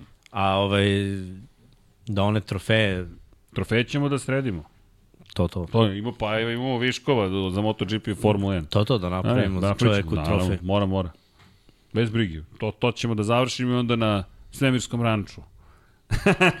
Užasan naziv. Celo ime mu reci sa tri časa. Sa, dobro, šta, znači svemirska luka, vaš izbor. Pa šta je sad? Bolje od ranča, svakako. Pa daj neki naziv. Ne, ne. Dajte A, alternativu. evo, odmah prihvatam Nemoj ruku, samo da ne bude ranč. Daj neki naziv. Nemam ja problem, nego dajte ljudi naziv. Ali Semirski ranč, svi komentarišu. Znaš, niko nije ostao ravnodušan. Zašto nikad nisu videli ranč? Vrlo Ali verovatno. jesi vidio sa ranč u svemiru? Razumeš? Na ranču ima svega. Na, na, to je američki futbol, Texas. Haj on. Nije to videlo ranča. Evo, nasmio sam čoveka. Si bio na ranču? Je ti liči na ranč? A, evo, da. pa pa. Angusi fale samo. A? Angusi samo. To, Samo Angusi, o, Vanja, je, Vanju, Vanja čeka Angusi njegovi samleveni. Tako je. dobro. Da, da, da. E, ali samo, samo jedna stvar, pre nego što nastavimo. Samo da stavimo i tačku na, na, na neke stvari što se tiču istorije. Četvrta titula za Chiefse, treća u Mahomijevoj eri, ali kada posmatramo gde se nalaze u, u tim pozicijama večnih, jel te? Top 5. Pittsburgh Steelersi, New England Patriotsi po šest titula, San Francisco 49ers i Dallas Cowboysi po pet, po četiri Kansas City Chiefsi, Green Bay Packersi i New York Giantsi, Ila, Ila i dve titule Manning, i onda ide po tri titule Denver Broncosi, sad Oakland, Los Angeles, Las Vegas Raidersi, I naravno tri titule za Washington Redskins, futbolsku ekipu i Commanderse, moramo da izgledamo. Nisu menjali grad, ali su menjali imena redovno. Tad su bili Redskinsi. Tako, tad su bili Redskinsi. U devet godina su uzeli te tri titule. Jeste. Imali koliko, četiri ili pet Super Bowl pojavljivanja. Baš Jeste. sad. Kad su imali Reginsa, alkoholičara koji nisi mogao da, da oboriš. Dobro ima vrhuncu trena, Joe Gibson. Ne, ne, Da, da, ekipa je bila brutalna. Ne vidi. Joe Gibbs, pa to je stalno priča, meni je, meni je to fascinantno da on čovek osvojio titule Super Bowl u NFL-u, onda otišao napravio NASCAR ekipu i osvojio titulu u NASCAR-u, još uvek se takmiči u NASCAR-u. E, ima neka veza između trkanja i NFL-a, ne govorim to zbog sebe, ali Formula 1 je sve bliskija sa NFL-om. Inače, priča se da će u Chicago da ide Formula 1, a revijalna trka je bila za old-timera Formula 1 još 2018. organizovana, znate gde? Oko stadiona Chicago Bearsa. Ljudi, dakle, NFL i Formula 1, to je neki Liberty Media napravila spoj. Gudel je bio na trci u Kanadi prošle godine, e, oko, oko tog Majamiju se oko stadiona vozi Formula 1, dakle, gde god da se osvrneš, Kansas City Chiefsi, i Mahomi i Kelsey su investitori u Alpinu, u tim Formula 1. Tako da su veze vrlo jake i sad imaš Joe Gibbsa koji čovjek vodi NASCAR ekipu. I da, se ne zaustavim na tri titule, da spomenem Miami Dolphinsi koji imaju dve titule, Baltimore, to jest Indianapolis Coltsi dve, Tampa Bay Buccaneersi dve, Baltimore Ravensi dve i ostali imaju po jednu i to su Eaglesi, Philadelphia Eaglesi, Seattle Seahawksi za gospodina, ta jedna titula, velika, Chicago Bearsi jedna, New Orleans Saintsi jedna i New York Jetsi jedna. Ostale ekipe nikada nisu osvojile Super Bowl titulu, konkretno Buffalo Bills i Minnesota Vikings i Cincinnati Bengals i Atlanta Falcons i Carolina Panthers i San Diego slash Los Angeles Chargers i St. Louis Phoenix Arizona Cardinals i Houston Tennessee Oilers Titans i LT i Cleveland Browns i Detroit Lions i Houston Texans i Jacksonville Jaguars. i- Ali neke ekipe od tih koje nemaju su igrale u Super Bowl. Jesu, A igrale neke su. se nisu pojavile nikada u Jesu. Super Bowl. Ekipe koje su se pojavile u Super Bowlu nikad nisu osvojili titulu su Minnesota Vikingsi četiri puta, Buffalo Billsi četiri puta i to uzastopno. Mm, pa kao. Cincinnati, pa kao, pa ja ne znam da Pa zamislim. i Bengalsi su isto sa Be- Asajasenom imali. Sad- Bengalsi, da, da, Tri. imaju tri učešća, nisu osvojili titulu. Panthersi dva učešća, Atlanta Falconsi dva učešća, Chargersi jedno, Titansi jedno i Cardinalsi jedno učešće. I timovi koji nikad nisu bili u Super Bowlu, Cleveland Brownsi, Detroit Lionsi, Uh, jel tako, uh, koga sam tu? Jackson. Jao, Jaguarsi. Campbell. Jacksonville Jaguars i Houston Texans. Da. Da, to je to. Jao Dene Campbell. Za malo. Dene Campbell že. Za malo. Za malo. U Formula 1 i NFL sarađuju. Da, ako sarađuje F1 i NFL. Podcast, Ne pravimo, podcast ne pravimo. 99 krugova. Ne pravimo. Lap 99. To bi trajalo do sutra. bre. pa To- toliko to- bi trajalo. To ti je novogodišnji specijal. Loro Srki sad uh, uh, ne da preko četiri. ne može. Gdje si pošao, gdje si pošao u gori zelenoj. Tako da, da, eto, ima tih zanimljivih momenta, što kažu. I da vidimo, Asher više istrčao nego Pačeko. Ja, pa čekaj, ima koliko su, 59 jari. Branislav, pozdrav. Dobro je počekao Branislav. fumble. Jeste. Da, bilo je svega. Nije, nije bila njegova, njegova utakmica baš. Da. Asher mislim se potrudio stvarno, ja nemam problem. Videlo se da, da se trudi. Sad ovaj, kapiram da ljudi nešto nisu ljubitelji Ašera i, ne i njegove pesmu. muzike, ali realno gledano šta više hoćeš od izvođača. Veći je respekt lik je bio sam bez pratećih vokala. Đuskao, pevao, Uradio posao. tek na kraju je dobio ovaj, ima, dva gostovanja, tri gostovanja. Dobro, bila Alicia Keys, relativno brzo. Bil Ludacris, Dobro, Lil Jon i Her. Her, brate. Nije on, 2009. pevala je himn. brate, ona je Grammy osvajač. Nije ona neka devojka, brate. Devoj, Izašla respect. Nije svira izašla 10 devojka. instrumenta. Pojavila se neka devojka na terenu, nema pojma šta hoće, Devojka je gitarom. preozbiljni muzičar. I peva Smelly Put Cat, the respect on ne, ne, ne, nego Smelly Cat, Smelly Cat. Hoćete pokazati na Facebooku. Dobro, dobro. Ćemo na pitanje i odgovor, a? Da, ima ovde komentara za pevaljku. Pevaljka je mnogo više od toga. To je sad postalo moderno da se Taylor Swift k- neviđeno kritikuje, ali ljudi, ja poštujem rad svake osobe i ono što se meni kod Taylor Swift dopada je što je rekla da sad ne koristim teške reči ili psovke, ali je rekla muzičkoj kompaniji koja je pokušala da kupi jel te prava na njene pesme i to učinila, iako ona nije, da, nije baš želela da sarađuje s njima, ali su otkupili celu kompaniju, su joj rekli, de, devojčice, ti ćeš da slušaš šta ti mi kažemo, ona je rekla, a neće moći. Otišla i snimila svoje prve albume ponovo u sobstvenoj režiji za sobstvenu izdavačku kuću i rekla ljudima koji misle da zato što su vlasnici negde ili direktori i da mogu da urade šta god hoće i da upravljaju tuđim životima, tako da ja za Taylor Swift imam neviđeno Ali poštovanje. lako je to danas. Mislim, Vidi, respekt. Ali, Ali, ali, ali je povukla potez. Seti, Ne, ne, Se, seti se samo Slažem se. koliko intervjua tipa imao Prince, koliko imao... Slažem se s tobom, ali hoću Michael da kažem, jeste, ali ona to uradila. I ono Pa, što se meni... uradila vidi, zašto je mogla danas ali u današnjem- San, ali mi, mi se nije u tome poenta. Poenta je da neko dete, neko, neka klinka, neki klinac mogu da vide u njoj nešto. Aha, Taylor je to uradila, mogu ja da ti kažem ne. Jer vidi, ima često situacije da ljudi e, e, Pošto- imaju mogućnost, ali nisu svesni. Ali moram i opet, tome i ona moram služi. nešto da ti dodam. Naravno. Čitava hip-hop scena se svodi sada na, sam ću da izbacim na svom kanalu. A ljudi uh, Top, nisu planetarno popularni kao Taylor Swift, ali neki doduše jesu. Drake je pop prodaje, prodaje koliko i Taylor Swift. Isto. I nije da slušam ni jedno ni drugo. Ali okej. razumeš i svi su oni ono, moja priča. ali vidi, Danas svet daje tu mogućnost. naravno, krivo mi je, krivo ali mi je moraš što... da je iskoristiš. Imaš mnogo ljudi koji ne iskoriste mogućnost. Ti ljudi koji ne iskoriste nisu talentovani kao ona jer ona piše svoje pesme. Ali- I ti kad pišeš svoje, gledaj, da je neko drugi napisao uh, muziku, da je neko drugi napisao tekst, važi što bi ona uzela tog i tog i zajedno s njim otišla u treći studij. A pošto je sve njeno, Ali zar to nije ona ima to pravo. za tu devojku? Jeste, jer je To. ona, iz, ona je izvođač i autor i umetnik. To je druga stvar. Zato kažem, to, to je veliki A respekt. zato kažem, respekt. Respekt je za ovo što ona jeste. To, o, vidi. A onda ovo što je uradila, to je jednostavno normalno u današnje vreme. Po Ali ja, meni se dopalo što Shvatam. je rekla, neću. Pa zašto ima, Neću. gledaj, zato što ima slo, Ma, slobodu i moć ali, ali, da kaže neće. Vidi, ali je dobila još veću moć. Ja, meni se dopada kao poruka. Ono, be free. A? To je poruka. Lepi sve da možeš da smatraš da si slobodan. Pa vidi, nikad nisi u potpunosti slobodan. Pa naravno da nisi, Ali, ali- boriš se.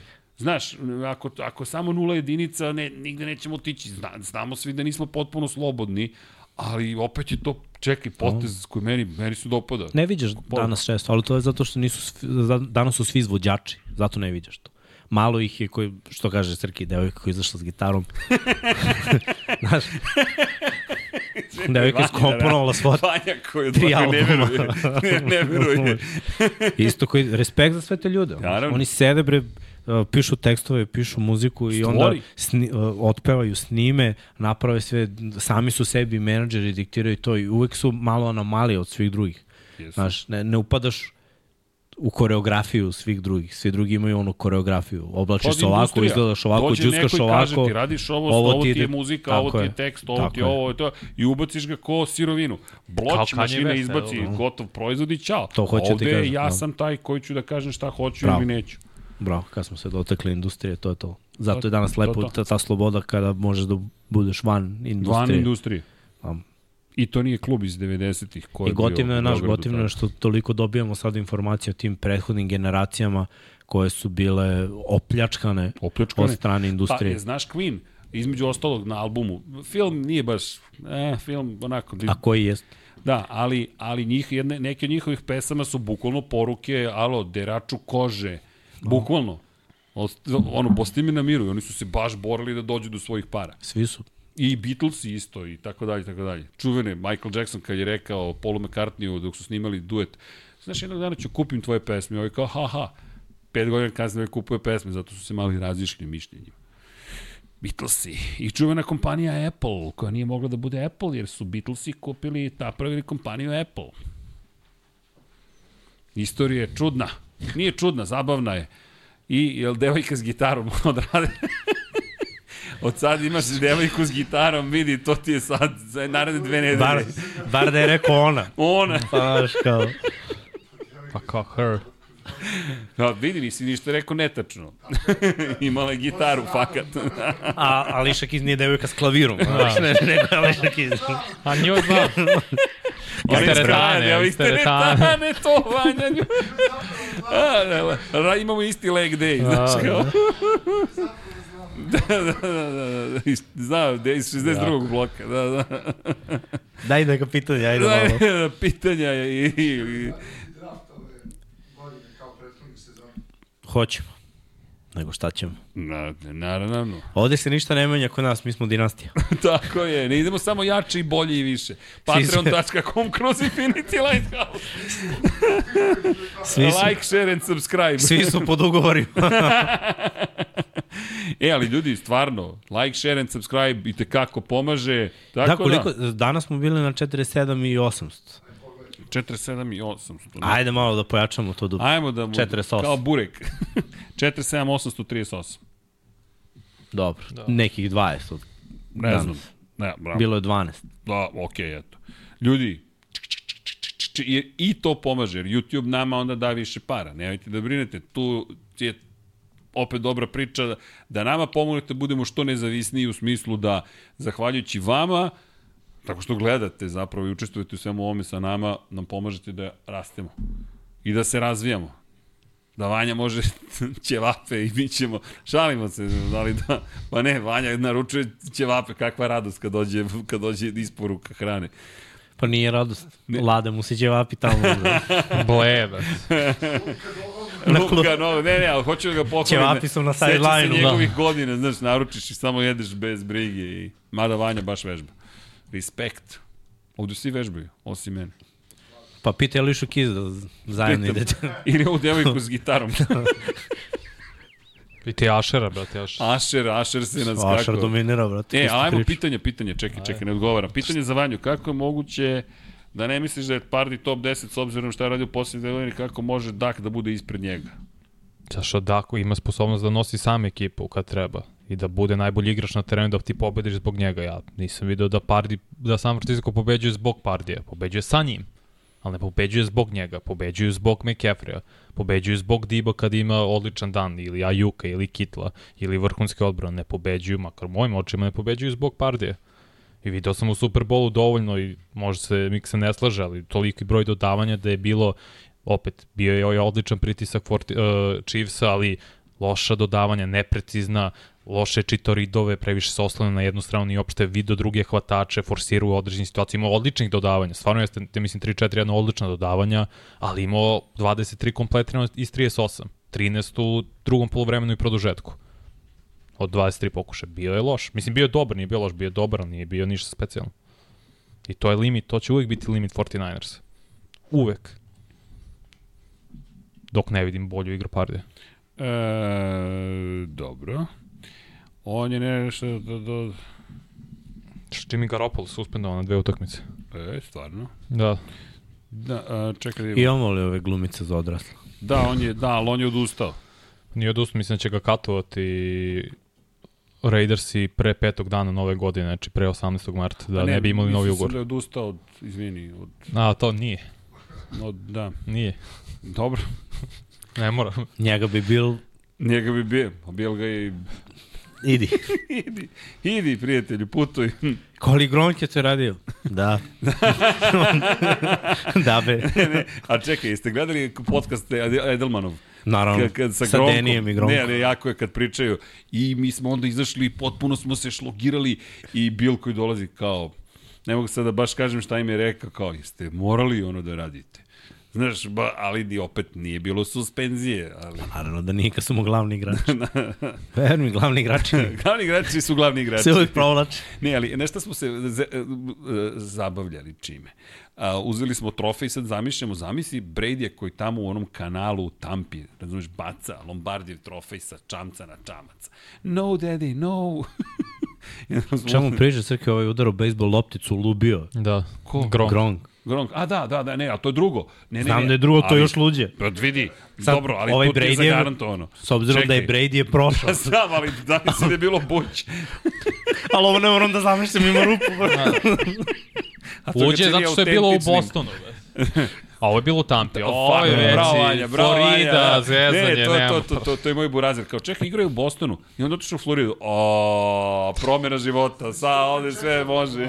Kako izgleda Florida, kako izgleda Massachusetts. Aligatori, to, to, to. Bilo bi, idi ti, dajmo Tom, skoči dole. Kod Laleta. ne bi Tom skakao, samo da ti kažeš. Bilo bi Gronk. I pojao bi ga Bio bi. Kate Otton skači. bre. Na primjer. Ali ne, meni to Ko, isto ko su sve- ruki? Ovaj, da, ko igra specijalni tim? specijalni tim vraća point kickovi. Lombardi iz kanala. Lombardi iz kanala. I, ja, e, Aleksa Popadić pita, hoće da padne neki meden okršaj na podcastu pre nego što počne sezona. S vama ili mi međusobno? A ne znam pojma, mi međusobno idemo šutiramo trojke. Pa to, kad? To je Kada? za jedan jedan. Stvarno? Hoćeš i ti? Pa Naravno može. da hoću. Eto. Eto. Imamo Da. još jedno. Što ti je, pa kako? Ali imaš vreme. Šta Izmislio znači, sam, nema. Deda ne može da uzme... Izmislio sam, nema. Misliš, ja imam vreme, vi nemate. ne, ne, ne. E, kao, vreme, kao vreme, ono. Minut, NBA igrači ima, ali mislim da, nem, da nemamo minut mi, da šutneš 30. da nemamo kondicije. Minut da šutnem Ma ne 30. Mogu bih. Sa Ne, istog mesta ne, ima da se kreće. Ne, 30, 25. 25. Ali nemamo mi lopte, brate, si lud. Pa do, ne, pa to da, to je, za, to je zapravo problem. Patreon.com To, to je zapravo problem. 30 sekundi dok vratimo loptu. Da, to je zapravo problem. Ne, prava vežba oni što vraća, razumeš? O, dok šudiš, dok se ozbiljno Brate, dok ukući ti se vrati. gledaš se vreme loptu i se. Ne, ne, okej, samo pitam za druga. Ali, ali, um, ali čekaj, mo- tako da Aleksa, ako hoćete s vama da igramo, prošle godine smo probali, imali smo tačno nula suparnika, ali mislim da je bilo i da su on... Jesi ti nabavio pe, peticu? Ne. Ja, ja sam nabavio Što nećeš? 2K24. Kako? Dva, ja sam nabavio za Sony 5 2K24, možda instaliramo ovo. Ja i dalje, Srki, slušam Tupaka, brate, ja sam toliko old school, znači... Da, Kad izađe čekaj, sedmica, ja ću imati peticu. Je- O, bože. e, Ne, čekaj, stani, ne, stvarno nećeš da uzmeš peticu iz principa ili si... Pa ne treba mi, šta će mi? Pa nemam pojma, da se hvalimo po kraju. Hoćeš iskreno, četvorku upalim kad gledam Netflix. Jeste Okej. smešno, ali istina. Istina je tužna. Da, igricu posle, upalim kad mi dođe sestrić. Da. Ne, baš ne igram. Ne, nikad nisam ni bio čovjek za igrice. da. Tako da ne isplati mi se. Koliko ti Sony od... niko- Nema. Ne, nema cenu, Nema to cenu. se ne... Sniženja su Srke na PlayStation Store, zato sam uzeo 2K24, koji To mi može reci. na PC Vanja, beta. donosam nam nešto iz Čile, Vrh. što mora se otvori. Eto, Čilirano je i za onaj, Jedva ono čekam. što smo pri... Znaš ono što smo da, pričali? jebo čekaj. Imam, imam neke novitete na tu temu. A, dobro, čekaj, čekaj, čekaj, čekaj, da imamo koje su, jeste li videli zašto je Kanye izbačen sa super gola i da je kupio karte kada već spomenjete Taylor? Da, Taylor ga izbacio. Navodno ga je ona izbacila, pošto je valjda stajao ispred nje i sa nekom maskom i pokušavao da otme airtime popularni.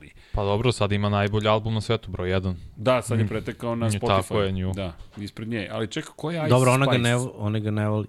A on je kao reper. Nebitno. Nemam pojma, Ne bi. zato što... Se, Danas imaš mnogo tih nebitnih. Ma ne, ne, to je... De... Bitnih na godinu dana i posle... Ne, moja so, so, i Burazerovo dete, A, i Paulino, Sofija, najstarija čerka, koja je u svom nekom fazonu i kao nije, da, ne sluša Taylor Swift, ali svi pričaju Taylor Swift. I kao, šta traži Ice Spice ovde? Kao, otkud ja znam. Ništa pametno ne može da vidi da je Da. Spice odmah mogu. Niti da nauči. Niti Ok. da Blokiraj to tamo. Od, Ne, ona je Od- sama rekla, mm, no. Odlično. Svira klavir, igra šah. no, eto ličak izvidio. To. Devojka I s ova sa gitarom. o bože. Sad bi ti rekao molim, ali bi bilo glupo, pošto smo eto. ali da, da, ali dobro, lepo se zabavljamo. Da. E, nadam se da moj čača ovo gleda, pošto ima telefon u bolnici, ali nema, ne sme da nas zove. Ne, nema telefon, sad su mu i to oduzeli, da. Da, sad su mu i to oduzeli. Ćaća, snimat ćemo ovo sve, pa... Uh, gde vidite Sakona Barklija? Sekvona. Sekona. Ko zna. Sekon. Zašto sam izgovorio Sakona? Ne znam. Godine, Vanja, godine. Nisu ni godine. Nije ni umro. Pa ne znam, možda, Šok. brat, ja bih razmislio i Ravens i o tome isto, mada Da vrati. možda ga taguju opet. Možda. Uh, Za njih. Chargers. Za njih je pametno. Šta dokle, dokle god mogu.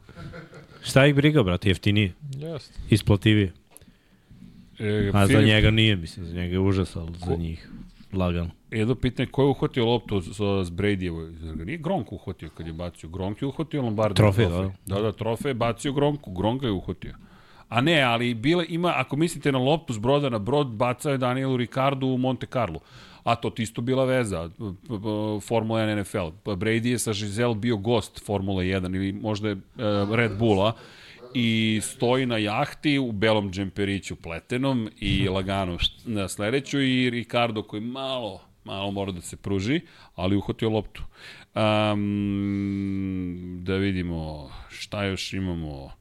Dak, ovo je sad pit više oko Daka i Vanjine, Vanjine izjave da je Dak nosač. E, to, ne znam, ja moram ti kažem, nisam baš siguran da je on nosač, nosilac ekipe. To jest, meni, ja ne verujem u Daka, možda mi je to najveće. To sam i ove godine bio siguran da Cowboysi iz, padaju instant, ba, baš ne verujem u njega. Ne kažem da, da, mm -hmm. kad gledaš i kako igra i sve, ali on mi je, baš mi je nekako, ono što sam i tad rekao, batač lopte. Nije, nije me kupio, nemam pojma. Neka je samo na to... Pa Ponovit ću iz onog podcasta. Mino bacač. Ne, ne, ne, ne, Dak je u najgorem slučaju treći najbolji ofanzivni igrač u Dallasu. Iza Zeka Martina i uh, beži- Lemba, bro. Lemba, tako je. Znam, znam, ali nekako... Kažem, najgore treći ofanzivni igrač, ali dok je Pardi u 49ersima Pa na šesti zašto, ofanzivni zato što je igrač. Zach Martin top 3 guard, Tako. a Lembe ove godine, mislim, Isti top dobro. 5. Dak top nije top 5 u snovima. Mislim, nije. Može bude top 10, ali top 5 nije. Top 10. pa, ali mislim, uradio je više u svojoj karijeri od Pardi. Loro Pardi, znaš šta je problem za Daka, zašto meni on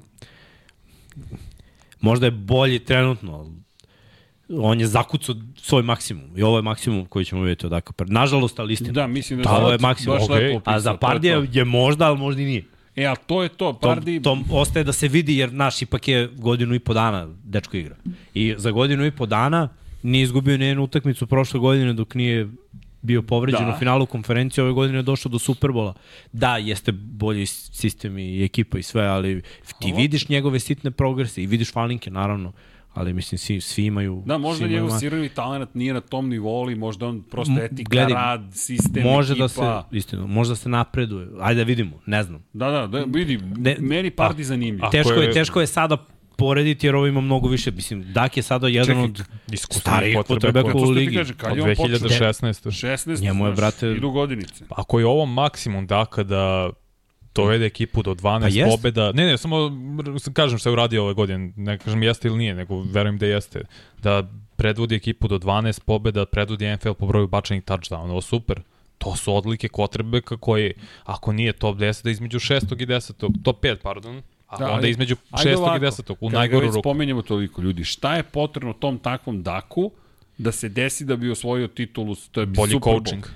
Pa, Da ne bude Mike McCarthy to. I, i, I coaching, ali znaš šta je još isto bitno? Da napravi pravi play u pravom trenutku. To, to je nešto što Dak radi uvek u regularnom delu, a ne radi... u play-off. Dak Prescott je Joel Embiid. Okej, e, možda okej. bude MVP u regularnom delu i da dominira i sve, onda dođe playoff pani- i ćao, kraj priče. A zato ti To je- kažem, to je šta, ako je on takav, je li ima, je li ima nade za, za, za, za Cowboys? Brate, opet moram, mnogo kompleksan sport. Pa zato kažem, I šta njega da dopuni da bi mogao da... Na šta želim da toga? vidim? Želim da vidim utakmicu kad ću da kažem ne može 100% da bude. Kad online kida, kad running back trči okej, u fullu, kad odbrana radi šta Okej, treba. Šta mu treba, dakle to je to. Sve. Sve, okej. Mora Ali- bude kompletan tim da bi to... Nije jedini, brate, mnogima treba Ne, znam, kompletan ne, ali ali da, to mi treba. ne, da ja, vidim da. da on je Ne jedini ističem ja koji... njega znam, nešto, znaš, nego nego ja to. hoću da vidim njega da je on jedini koji ne radi posao, onda ću kažem da, ali do tad ne mogu da kažem Jasno. da je. Jer mnogo toga fali. Bilo je i taktike, bilo je i talenta okolo, mnogo stvari je bilo da ne možemo da upiremo prstom samo od jednog igrača, nije fair. E, nije fair prema mnogim igračima. Redko ko je imao situaciju sve savršeno, znaš, jedini koji je imao tu situaciju, po mom mišljenju, bio Jared Goff. I zbog toga godine upiranja prsta u Jareda Goffa. jer Jared Goff imao sve u Remsima. Imao najbolje running backa u ligi, imao je jedno najboljih ofanzivnih linija, imao je brutalnu odbranu, imao je coaching vrhunski i on nije isporučio u Super Bowl. Odbrana je spustila Brady-a na mali broj poena i taj napad nije uradio posao. I nekako je delovalo Jasno. ok. I šta se desilo? Taj coach je rekao, pff, daj mi Stafford da je uzu Super Bowl. Ali Jared Goff je nastavio da napreduje, jer on bio klinac tada. Što, što znači da samo mislim da je Dak došao do trenutka kad više nema napredka. Mađo, Jared Goff 31 imao ispred sebe Evo, baš gledam. mnogo Izvini, prostora, 31 pa je godinu napredovao. puni preskot ove godine. Dobro, i Goff ima koliko, 29-30. Da, da, Isto ali su ima, draft ima sad. klasa. Ima sad, Da, ali da. on je čoukovao u momentu kad nije imao Tako je, 29, nego je 2019, da, da. to bilo pre 5 godina. Ali vidiš za tih 5 godina je pro, prošao od tog Superbola do da ne uđe u play-off, do da ode u Detroit i da s Detroitom 3 godine bude ono, da kažemo, loše bolje i vrhunski. I sad, ja iskreno menjam mišljenje o Jared Goffu sada, nakon koliko godina njegove karijere. Zašto? Zato što vidiš progres. Nikad on neće biti lik koji će odlučiti, po mom mišljenju. Nikad on neće biti Mahomes, neće imati taj moment. Ali je Jared Goff po meni top 10 quarterback koji, ako mu daš dobar online, dobar running game i solidnu odbranu, uvek tvoju ekipu može da dovede do pobede. I to je velika stvar. Uh, mislim da Dak to nema. Iskreno. Meni je Goff bolji quarterback trenutno od- Daka Prescotta po onome što sam video u, u posljednje dve godine. Samo zbog tog nekog momenta ovaj playoff je mislim bio ključan za to, da vidim Jareda Goffa u playoffu sa ekipom koja nije favorit, kako radi neke stvari dok je Dak dve godine u playoffu Pitanje izašao na Izvini, zadnju Đole. Broncos, kaže, momci, da li je ovo SF generacija uz Bilse 90-ih najbolje ikad koja nema Super Bowl? Mm, Mislim da smo rano da bismo baš tako ih gledali. Čekaj, koji utakmici nisu bili favoriti Detroit Lionsi u play-offu? Bili A su favoriti protiv. Ramsa i protiv Pa, Buccaneersa. pogledaj, po kladionicu. Pa ne, pa, brate, Meni Ne, vratio Po me, većini ja ljudi su bili. U Bilse ja opet ne plasiram mišljenja većine ljudi, nego svoje ja mišljenje. plasiram svoje mišljenje. Meni su favoriti. Remsi bili favoriti i izgubili su na jedan poen, mislim. Bili su mi donekle bolji u toj utakmici. A, Ali Jared Goff je rešio meč. e, da ponovimo... Čuo sam pitanje da li je ovo generacija Da, da, da. da. San Francisco 49ersa najbolja od generacije Billsa koji nisu uzela titulu. Jedan od najtalentovanijih svakako jeste. Ti kad pogledaš ovaj niz od pet godina, pre svega defanzivni talent koji su imali ofanzivno poslednjih par sezona, jeste i to su propuštene prilike i opet i pre dve godine ispušten interception Tarta u finalu konferencije, mogli su da idu u Super Bowl, nije se desilo, prošle godine povreda Pardija pre svega i Homela ka tome, jer verujem da su bili bolja ekipa od Filadelfije, nije se desilo, bili su otrešeni u toj finalu. NFC-a i sada evo, propuštene prilike, ali njihove propuštene prilike, jer su igrali dovoljno dobro pobede, ali nisu iskoristili da, Ne šanse. znam da li su baš... Talent je tu, talent je vrhunski. Vrhunski, imaš... Ne, razmišljam, znaš o čemu razmišljam? Da li je bilo još ekipa koji su bile tako blizu često i nisu osvojili titulu, jer Buffalo Bills su baš ekstremni. Ja mogu ti Četiri kažem- Superbola za redom bez titule. jednu ekipu, Steelersi. Big Ben, Bell, Antonio okay. Brown, vrhunska ofanzivna nisu linija. Igrali u, nisu igrali u Green jedan Super Bowl, nisu osvojili. Ne, nisu, ali kažem, vrhunski Da. talent. Green Bay je osvojio, ali nikad nije imao odbranu. A, Mas Green Bay ušao u jedan Super Bowl. Da. Sa Rodgers. a jedno pitanje, a Seattle Seahawksi u momentu kada su osvojili titulu, Pa u momentu kada su odlučili da ne daju loptu Marshanu Lynchu, ta ekipa se raspala, tako da od toga nema ništa. Ta ekipa je- 49ers i sa Jimom Harbom. Tri godine isto. da, oni su bili da u tom momentu su baš imali dosta... Fortnite se prati, prate pehovi. Znaš. Da. Ovo su sad pehovi, da imaš dobre generacije, da ne uspevaš. Ali mislim, niko ne može se porediti s Billsi. Su Ne, to- ne, to- prikosnoveni kraljevi, četiri Superbola, Četiri nula. Sa redom četiri Superbola. Da. Što ja ne znam kako ti to podneseš psihički, a ti se vratiš. Ali dobro, no šta, vratiš se zato što je, tad je bio odnos snaga totalno drugačiji. Tad je NFC, iskreno jedan Super Bowl je bio blizu. Bili su pregaženi tri Super Bowl. Da. Znaš, tako da ono, izgleda da je bilo lakše u AFC-u doći do Do. Super Bowla, onda Možda je samo... veća kritika AFC-u nego što je pohvala Billsima. Moguće. Mislim, NFC Da. da. tad imao istok NFC dominirao tih godina. I Giants i Redskins i Cowboys su osvojili protiv Bills. Bolesno. Ali dobro pitanje. A, čekaj da imamo, Minnesota krajem 90-ih isto. Pa jeste. Sota, Pa Igrali su dobro, Super Bowl. imali sa isto, Mossom, kad su imali... Chris Carter. Carter. I Da. bilo je, Cunningham. ni, nisu bili ovoliko konstantni. Nije bilo te generacije koje je dolazilo do, do velikih utakmica. Mislim, svi sve su to bile dobre generacije, kad pogledamo možemo ih naborimo 10, ali pričamo o Super Bowl. Samo, sam, samo Cisco ovde ima trenutno u posljednjih pet godina dva učešća u Super Bowlu, a nula. Da, da. Ramsi su ušli jednom, osvojili, Bengalsi su ušli jednom, ostalo smo gledali Chiefs i Patriots. A Videli smo jednom 49ersi Tampu, ušli, osvojili. Mm. A 49ers imaju najbolji talent ubedljivo od tih ekipa.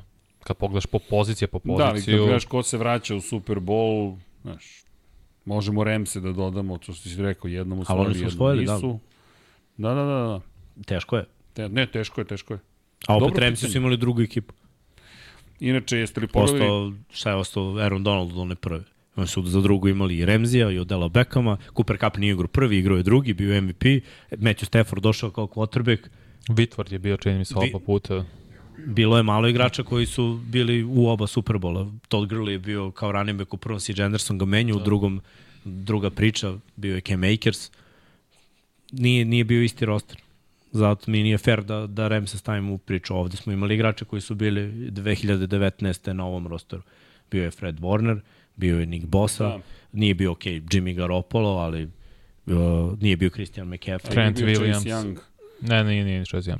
on je, Trent Williams. kad je on stigao u ligu 2020. Bio je 20. Dibo na rosteru, Brandon Ayuk nije. Brandon Ayuk je 2020. došao.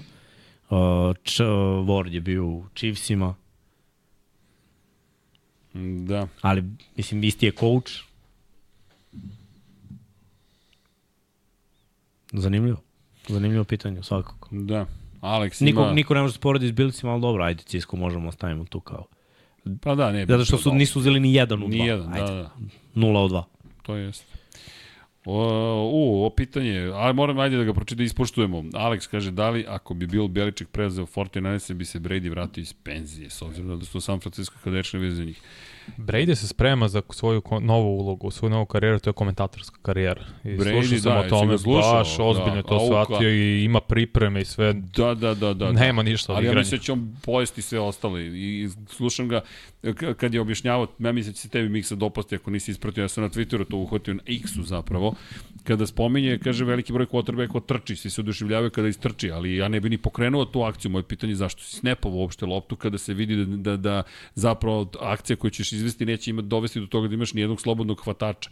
Zapravo ti treba tražiš time out u tom trenutku. Sad ti slušaš njega kako on razmišlja, koju igru on igra i baš jedva čekam da ga čujem iskreno. Ali to Igra- igra mogu samo par igru. quarterbacka da radi Da. sada. Igra savršenu igru za staru školu. No. Da, da, da, okay. Za novu, nikad on se nije oslanjao na te stvari, ali zapravo ako je četiri igrača u rašu, taj delay draw Jasno. nije, ne, nije uvek, to jest improvizacija, ali, Ali se oslanja na skill imaš, set. ali nekad ga imaš kao backup opciju već. To je tvoja sposobnost. Jer ako je man coverage četiri igrača u rašu i ti pustiš krosere, uh, po man coverage-u svi odu za igračima i sredina Jasno. ti ostane prazno. Uh, Sad zavisi od situacije. Naprimjer da je čet, lupam, treći za pet, time out. Ali da je za jedan, istračeš šta je jedan. Jasno. Mislim, nema tog igrača koji će na Dobro, drovu on da te spreče da uzmeš. on će snikovati. Pa ali, To je beast. generalno danas, u današnjem futbolu, kakvi su kotrbekovi su atlete, jedan yard ili dva yarda, da te neko spreče da uzmeš na, na drovu, jako teško. Da, inače da odgovorim izvini na pitanje kada će podcast za Formula 1. Biće podcast, nadam se, u ponedeljak i utorak i za Formula 1 i za Moto Grand Prix. Žao mi je, ali bukvalno smo se Burazir i ja spakovali i samo smo došli, pričao sam s Pami sa Dekijem i dogovorili smo se da ne radimo ta dva dana, da da bi bilo, ja stvarno nisam bio, ne mogu, moram reći, otac mi je na intenzivnoj nezi, ja da vas lažem kako u tom trenutku kada ga prebacuju na intenzivnu negu sam ja super pozitivan i uzet ću mikrofon i ispričati vam, nisam toliko profesionalan, ako treba da budem toliko profesionalan, neću, neću biti.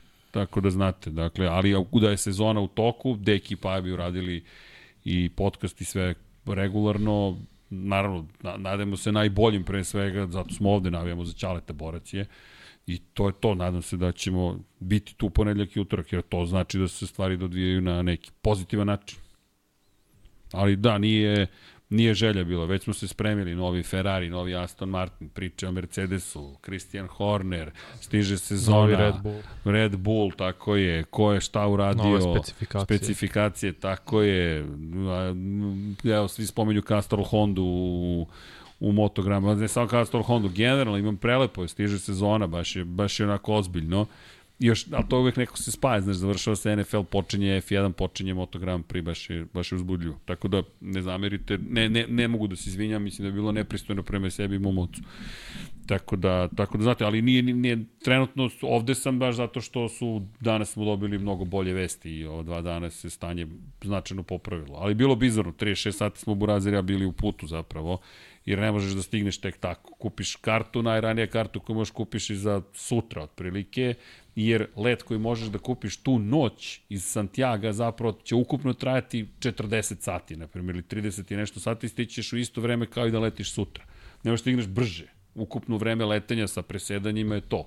I onda smo Burazi rekli, ok, kola, idemo za Santiago, čekamo ujutru i 14 sati traje let neprekidno do Pariza i onda u Parizu sleteo čovjek sat vremena ranije, čekamo, doleteli i to je to bizaran let, inače, sad kažem, samo mogu se šalim, pošto niko nije spavao, to mi prvi put da sam na preko, preko okeanskom letu, da znaš o čemu pričam, niko nije spavao, ljudi svi su super budni, idu okolo, piju sokove od paradajza i ne znam nija čega, skupljaju se tamo kod, pozadi u repu, kod toaleta, bla bla bla, nega se se svetla, u obična, obična tišina, sve se pogasi, svi spavaju, ne, ne, ove to, vežbanje, čučnjevi, ko je spreman i malo sklekove da odradi, ne, sve, ne, nemaš, nemaš deo, ali napravi se deo, tako da je bilo zanimljivo.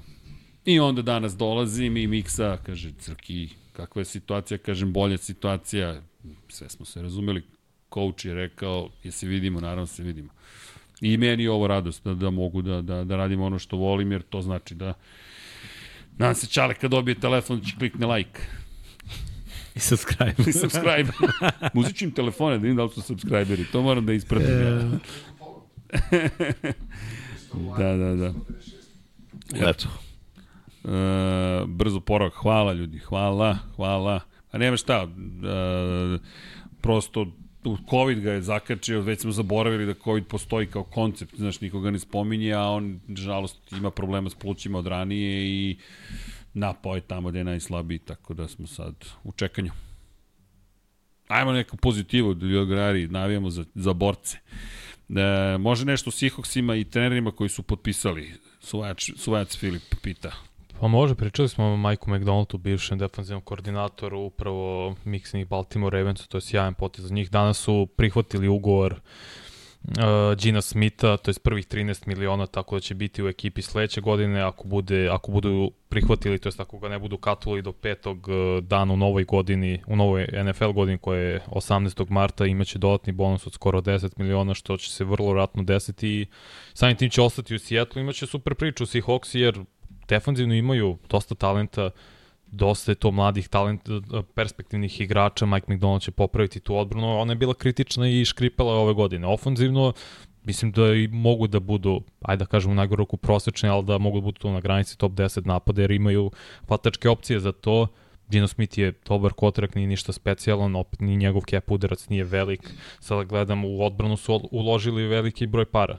108 miliona. Mislim, oni imaju problem sa capom jer u ofanzivno je uloženo 123 miliona, defanzivno preko 100 miliona, skoro 110 miliona, tako da ćemo to videti koja je situacija za njih, a sa čudim koji imaju slobodne agente i čime sve treba da se bave Leonard Williams i jedan od njih Bobby Wagner, to su sve ipak veterani, ali značilo bi i sigurno i McDonaldu da budu tu u ekipi, ali ne nužno kao najbolji igrači. To je prošlo vreme pogotovo za Wagnera, ali treba ti jedan edge na draftu, moraš draftuješ ili edge igrača, uh, ili unutrašnjeg linebackera prebišao ka edge zato što nemaju već dugi niz godina baš nemaju dugo igrača sa dvocifrenim brojem sekova, mm -hmm. Tako da to nedostaje za tu odbranu ofanzivno, samo više trčanje, više da forsiraju i Keneta Vokera i uh, Charbonnet, ovog Novajdu sa UCLA-a i u dobroj situaciji se nalaze generalno Seahawksi. U NFC-u trebalo bi da budu playoff ekipa ovi, ovi ove godine koja je bila trebalo loša. Imali su devet pobjeda sa lošom odbranom. Sada će biti odbrana, ja mislim, makar mnogo bolje sa McDonaldom. Uh, Pa šta još ima pitanje? Almir me pita koliko se plaća odgovor. Ništa ljudi se ne plaća, nego samo šta, šta, 100 šta miliona. stignemo da vidimo. 100 miliona, to, to, to. A, Almir, ne ima šta je Almir pitao, propustio sam ljudi, ne znam. A, pitanje za Miksu, da li je Shanahan pogrešio što je išao na četvrti pokušaj i postigao touchdown u tom napadu ili je trebalo da ide na siguran šut za 3 poena?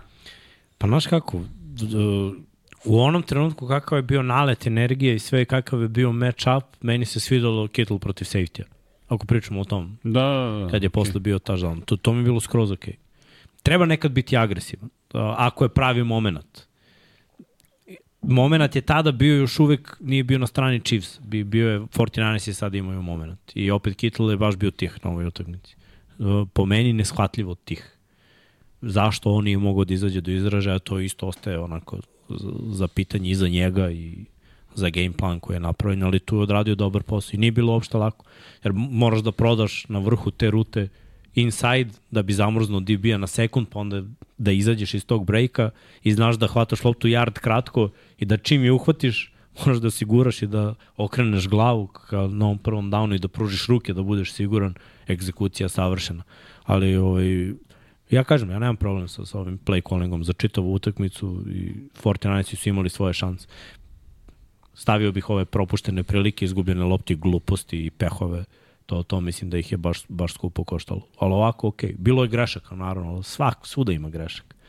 Mislim, onda možemo kažemo i Andy Reid imao bez veze game plan za prvo polovreme da mu je Travis Kelce imao jedan screen za jedan yard.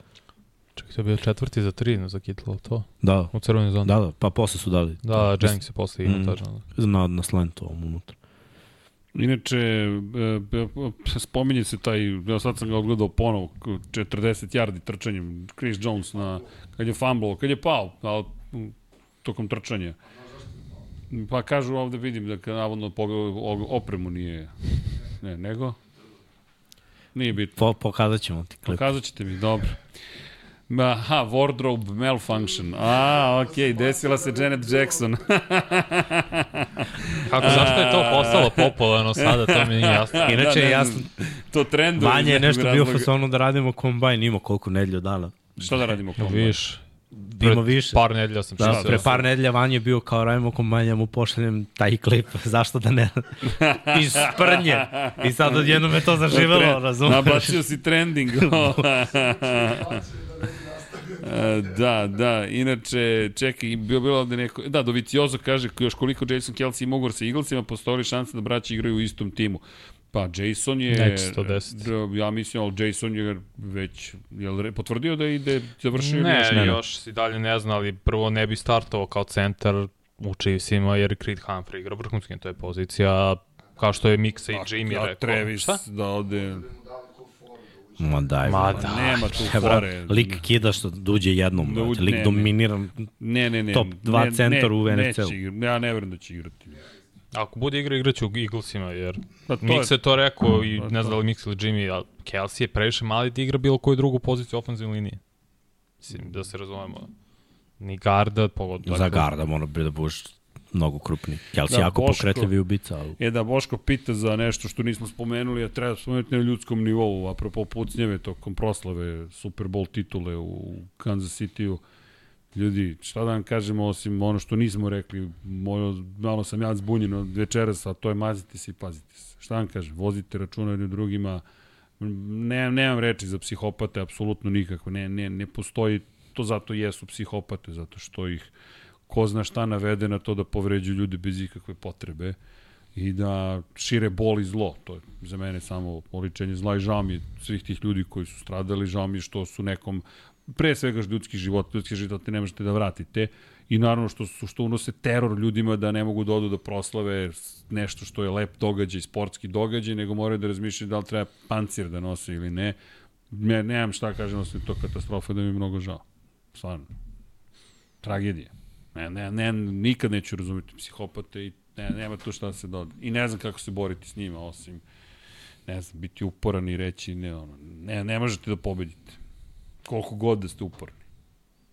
Ne, ne znam šta drugo da vam kažem. Baš mi, mnogo mi je žao, zaista. Užasno sam. Buš, buš, bukom. Ima pitanje za Mix. Šta će odbrana Ravensa raditi, pošto su otišli trener defanzivne linije i defanzivnog i defanzivnih bekova i pored McDonalda i toliko slobodnih agenata u odbrani, između ostalih i veterani. Ne, ne pričamo o Madubikeu i naravno Patriku Quinu, već i Van Noy i Clowny takođe pored Gina Stona. Ideš na ono što uvek ideš, to je unapređivanje. Nemo, to, to je nešto što Ravensi godinama rade. Ako nije trenutno član stručnog štaba, bio je, pa je na koleđu ili ovamo ili onamo, to je to. U, to je razlog zašto je Harbaugh head coach. Pošto ništa drugo ne radi, zna bar da zaposli ljude oko sebe mm -hmm. i da sve to bude na nekom pristojnom nivou, filozofija se zna, uvek se igra manje više ista stvar i gotovo uvek je uspešno. Da li će biti na nivou prošle godine? Ne. Ovo je bila idealna prilika za Ravens.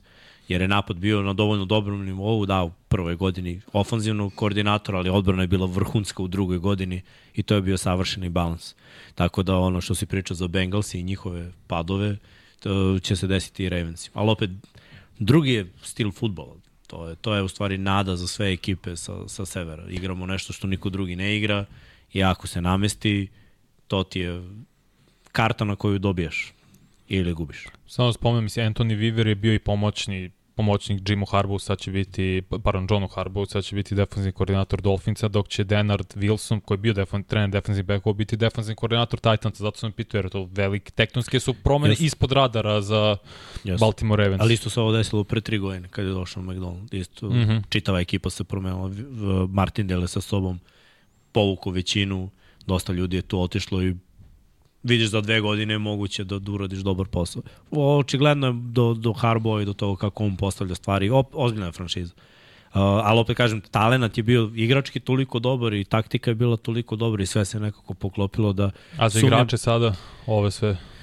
Pa, ne znam, znaš, Van Noy, mislim, da se ne lažemo, ovo može da radi samo u, u Baltimoru kada ima ovako savršen game. Mislim, on je imao rekord karijere sad, a došao u četvrtoj nedelji iz kauča, uh, imao je skoro 10 sekova, 9,5. Mm -hmm. To je bolesno, ali lego mu je sistem. Pritom uopšte ne brine o trčanju, jer ima ko radi trčanje. To, to je ono što su mu olakšali, znači samo Rašovi i to je to. Jadevian Clown isto. E, zato su imali uspešne sezone. Ako oni misle da će negde drugde imati takvu uspešnu sezonu, slobodno, neka probaju, ali iskreno videli smo uzorak od koliko posljednjih 4-5 godina i sam reci, gde su bili najbolji? Njih dvojica u Baltimoru. Tako da ako hoće da ostanu u ekipi, ja bih im dao malo para. Vano je ove godine imao milion. Mislim, to je realno. Dao bi mu milion i po. Srki je to dobro pregovaranje.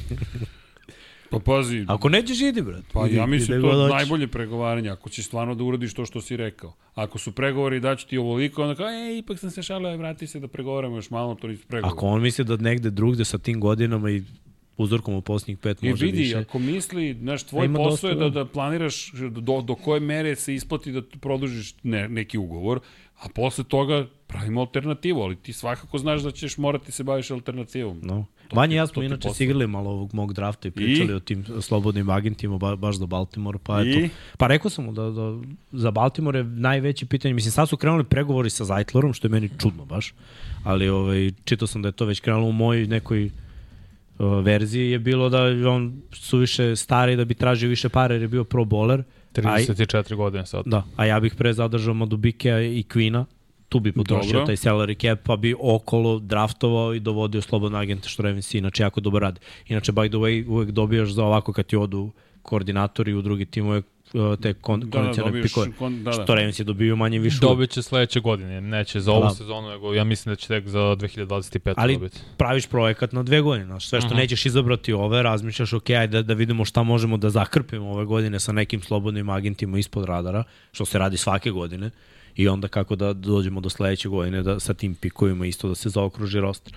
Što je opet dobra stvar za, za, za ekipu, imaš uh, kako da gradiš, uglavnom si prvak divizije, jednom nisi ušao u playoff u eri Lamara Jackson i to kad sam on povredio, to je, to je okej. Okay. Konsolidovao se s Mixom kad sam pravio mock draft, baš samo za, samo za Ravens. Šta vam treba? Ja sam naginjao kako tačno neko ofenzivno, ja rekao, ok, ajmo, idemo ovo line i tako sam i uradio. E, ja jedva čekam da vidim ove, da, ove pregovore sa Zeitlom. Mm. Šta će to da bude na kraju i koliko para. Jer uh, Simpson će otići očigledno. Jer je on isto bio starter pa da, i odigrao dobri mlađi. Poprilično on će tražiti negde dugoročni ugovor i ja mislim da će ga dobiti dobro igro ove godine. Generalno, online igra dobro. Da ima još nešto, od pitanja Uh, može li odgovor komentar na, na pitanje o Patriotama? A, mislim da je pitanje bilo kada ćemo da vidimo zapravo poravak New England Patriota sada kada su otišli i Beličik i Brady. I brzo poravak Srki Za tri godine. A šta je oporavak? Hajmo za početak da uđu u play a ne, ne, ne, ne, ne, šta je oporavak na kraju? To je ovo je odlično pitanje, šta je oporavak? Jel ti je to osvojen titul od novi Super Bowl sedmi u istoriji ili ti je ušao sam u playoff ili ti je približio sam se, ušao sam u finale konferencije? Ajmo podelimo po godinama kratkoročni ciljevi i dugoročni. Ajmo. Ajmo za tri godine playoff. Uđeš. Ajde. Dobro. Za pet godina Za da imaš godine da bi- playoff pobedu. da I bi- da si vezao par puta da si učestvovao u playoffu od treće No. godine do te pete. To je, to je odličan cilj. E sad, zašto je cilj nerealan? Zato što je AFC krcat i zato što sledeće tri godine, samo u njihovoj diviziji, ja ne vidim da će Billsi i Dolphinsi da Jasno. budu slabi, a sledeće godine, ako će ikad Jetsi biti dobri, bit će sledeće godine. Jer je ono, ta ili nijedna. Hvala. Moraš da pogađaš na draftu ono što Patriotsi nisu radili poslednjih, pa da kažemo 7-8 godina. Sada imaš trećeg pika, draftu i quarterbacka, gradi oko njega u kasnim rundama. Mislim, moraš da, njihov scouting tim mora da radi sjajan posao. Ja ne sumnjam toliko Jareda Meja, već talent koji će izabrati. Mm. I koga ćeš birati, koje su pozicije, ofencijna linija mora da se izgradi iznova. Imaš tu dosta slobodnih agenata, kao i Garda i ovog On Venua koji igra levog tekla, može da igra Garda i Trent Brown je takođe slobodan agent. Znači, ofanzivno oružje, to je tek kritično, možda imaju najgori uh, hvatačke opcije ili ili jedne Skill od najgorih skill opcija, ali tako, to je bolji izraz u NFL-u. Moraš to opet da izgraš, da li ćeš možda draftovati zbog toga Marvina Harrisona mlađeg, možda mada opet je quarterback najvažnija pozicija. Tu moraš prvo da imaš nekog potencijala, da ga razvijaš i onda krećeš odatle. Odbrana će, mislim, uvijek biti i dalje dobra, jer je Mayo nasledio Beličikov mentalitet i game plan u suštini.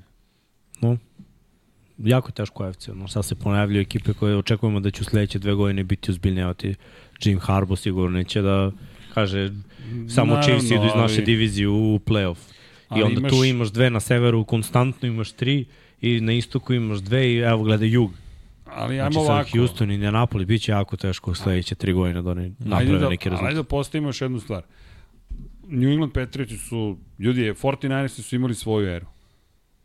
Davno, evo sad će 40 godina. Već 40 godina praktično. Imali smo Cowboys pre 30 godina. Imali smo Steelers pre 50 godina. Imali smo Patriote pre Pet. 20 i pre 10, aj tako da kažemo. I prethodna decenija je nekako bila njihova decenija. Sada imamo Chiefse, Patriote to što su uradili da imaju deceniju za decenijom je već anomalija, već je ludilo. Da se ponovo vrate tu, ja ne znam kada će se desiti. Ne, jer nema pojma ko će doći posle Kansas City-a. New England Patriotsi zlatno doba ljudi prošlo. I no, kogod je navio za njih poslednjih 20 godina, mislim da je mogao zaista ne da uživa, nego 10 plasmana u Super Bowl, šest titula, ne, 7 9 plasmana u Super Bowl, šest titula, ljudi, to je van bilo kakvog razuma statistički gledano, ba kaj bilo kako, tako da taj povratak, to ne vidim da će se desiti narednih 20-30 godina, a do tada, to ovo što ste pričali, playoff, ne znam, finale konferencije. Ma to su ambicije, ali to, to je cilj, to staviš kao cilj. Zato je to ta era i zato je ta dinastija tako velika. AFC je previše krca da bi taj cilj, cilj postao realan. Da, da, ali, ali opet samo prosto da, da i o tome ispričamo. Ako neko očekuje da će se sad jednom po- ponovo dešavati ovo što se dešavalo, ljudi, ne želim Neće. da budem majstor kvariš, ali Neće, sigurno. Mislim, gledaj ovako, power ranking, trenutno moj za AFC, tako da su Titans i Patriots na dnu AFC. trenutno tako deluju. Zaista tako deluju. Pa i Raiders. i Raiders. Mislim, što nije dobro. 7 ekipa ide od 16 u play-off, a ti si u top 3 od, od ozdo. Najgore. Nema Da šta, u nema. svojoj diviziji, to, to znači nema ono teorije. što si rekao, u diviziji si u problemu. Znači ti si od, od nema teorije u projektu od 3 godine da bude... Možda uđemo da. u play-off. Znaš, A, ako bodeš quarterback, kad stvari su svako menjaju i ubrzavaju. da, ali mora i quarterback, ova kombinacija, jer vidi sad Naravno. i, i Nije trener, nemoguće, ali sve- videli smo u malom procentu da novi trener i novi kotor, mislim, ja sam vidio jedno. Ovo si je trebao da ide Miko Rans. Nikad se nije desilo da ono prvi put trener, ruki quarterback i bam, evo nas, pravimo rezultat. Možda bi bio Shane Steichen i Anthony Richardson, možda. Nije se desilo zbog Nije se povrede. desilo. um, Ali, mislim, Richardson igrao tri utakmice. Tri, pa da. To je baš, ni, ni, znaš, nije dovoljan uzor. Minšu je odradio posao. Pro bole. Minšu i Hansi Minšu. treba da naprave podcast. Da. Da se zove pro boleri. Si ga, je, je, Ili da budu boleri, a da nose maje pro. Pro, a... Budu no bowleri. Vanja, sa, šalim se, šalim se. E, dobro. Ima, ima ovde još pitanja, čekaj, čekaj, čekaj da vidim. E, šta mislite, gde ide Kirk Cousins? Nigde. Brate, ako su da- pametni u Vikingsima, To on tu ostaje. odmah potpisuju. Nema on deda mrda. Vidjet ćemo, bit će njima zanimljivo, oni mi 11. pika na NFL draftu, šta će uraditi, da li ako slučaj neko kaznic ode negde drugde, moraju da razmišljaju o tome kako da Pa da moraju draftuju kotrbe kada bi pre svega JJ bio srećan. Jer i njega treba potpišu ovu međusezonu. Neće Kirk niđe. Ja ne vidim da će on da se brda iskreno. Njemu je lepo. Da, bu- bukvalno mu je lepo. Čovjek živi. Punim živi plućima. život, to mu, je, to mu je drugi dom. Sve mu je leglo. Zašto ima pravog bi- trenera. Čekaj, dobiješ za garant, on je promenio igru, on ima za garantovane ugovore, prvi je Ma bre, uveo. igral čovjek super. Dobro igra. E, Odlično oružje ima pored sebe. Ulazi u play-off. Nije ni stigao da se igra dovoljno sa Edison, povredio se. Da. Pa da. Znam i sledeće godine neka svi budu zdravi. I sve I. Hawkinson se povredio na kraju. Jedina ekipa koja možda, možda može da nešto Dobro. Učini su Atlanta Falcons. Koji ja mislim da imaju sličan talent, ne isti, sličan talent ofanzivno, bolju ofanzivnu Da, liniju da. i mogu da ponude ugovor dobar Kazincu. Da on razmisli opet u slabijoj si diviziji poprilično nego što je Sever. Znaš, nikad ne bi otišao do Konala. Pa ne u treću, Pa pazi, ne, znam, ja prva samo godina- Atlanta Izvini ima što se smemo Vanja i ja, ali na, Atlanta, Samo i Atlanta. Chicago, znaš, to su ono bog. Ne, ne, Chicago je imao prvog pika. Glej, ovde si se već skućio, ali to što si dobio trenera koji kapira. I u Da, da, prvoj da, da, godini, da, znaš, okej, je već okej, bilo okej. dobro. Ova druga godina je bila nesrećna za njih, mogu izgubljenih lopte, ali taman što su krenuli da kidaju Jasno. i ušli u seriju, on se povredio. Ali vidiš da taj napad, klik- ti, ti vidiš da, da dobre stvari se dešavaju. Jasno. A ima potencijal da bude još bolje. E, Ne pa- menjaš to da bi išao u nistražene vode s novim head coachom u Atlanti, menjaš severnu državu za južnu državu. Prvi jug. ne. Hvala na ponudi, razmislit ću. Javit ćemo se. Don't call us, we'll call you. Brock Parley treba da se ugleda na Kazinca. Takav quarterback ko može da postane. Ja makar. Da, da, mislim. da, može. Ako nastavi da napred. I Kirk je bio u prve dve godine isto, isto ovako. Nije bilo kao što je sada. Tre- Trebale su godine napretka. Ne, dobro, dobro, čekajte, ovde hvatam sad još neke beleške, pa čovjek je na... Ček da vidimo da li dolazi nova sezona vođe... Vođe na... Da li dolazi nova sezona... Vo, aha, sezona vođe navale. Ili vođa navale. Nove pa, era quarterbackova. Pa da, da, da, da, da. Pa bit će, ja mislim, čak četvorica, možda petorica u prvoj rundi, možda. Mislim da će trojica sigurno biti u top 5, a u, posle toga možda JJ McCarthy bude... Ja sam ga projektovao da ide u Denver kod Shona Paytona, jer voli Payton takve quarterbackove. Potrebe diktiraju. Tako I, je. o, i o, ove fail sa veteranima quarterbackovima je zapravo stavio mnoge ekipe u poziciju da biraju. Znači, Jetsi. Izabereš veterana, on se povredi, o, bolje izaberi klinca, mislim. Srki Žeci će ofanzivnu liniju tekla odmah. Bez ikakvog razmišljanja. Odmah tekla, koji god da je sledeći, oni biraju to u prvoj rundi.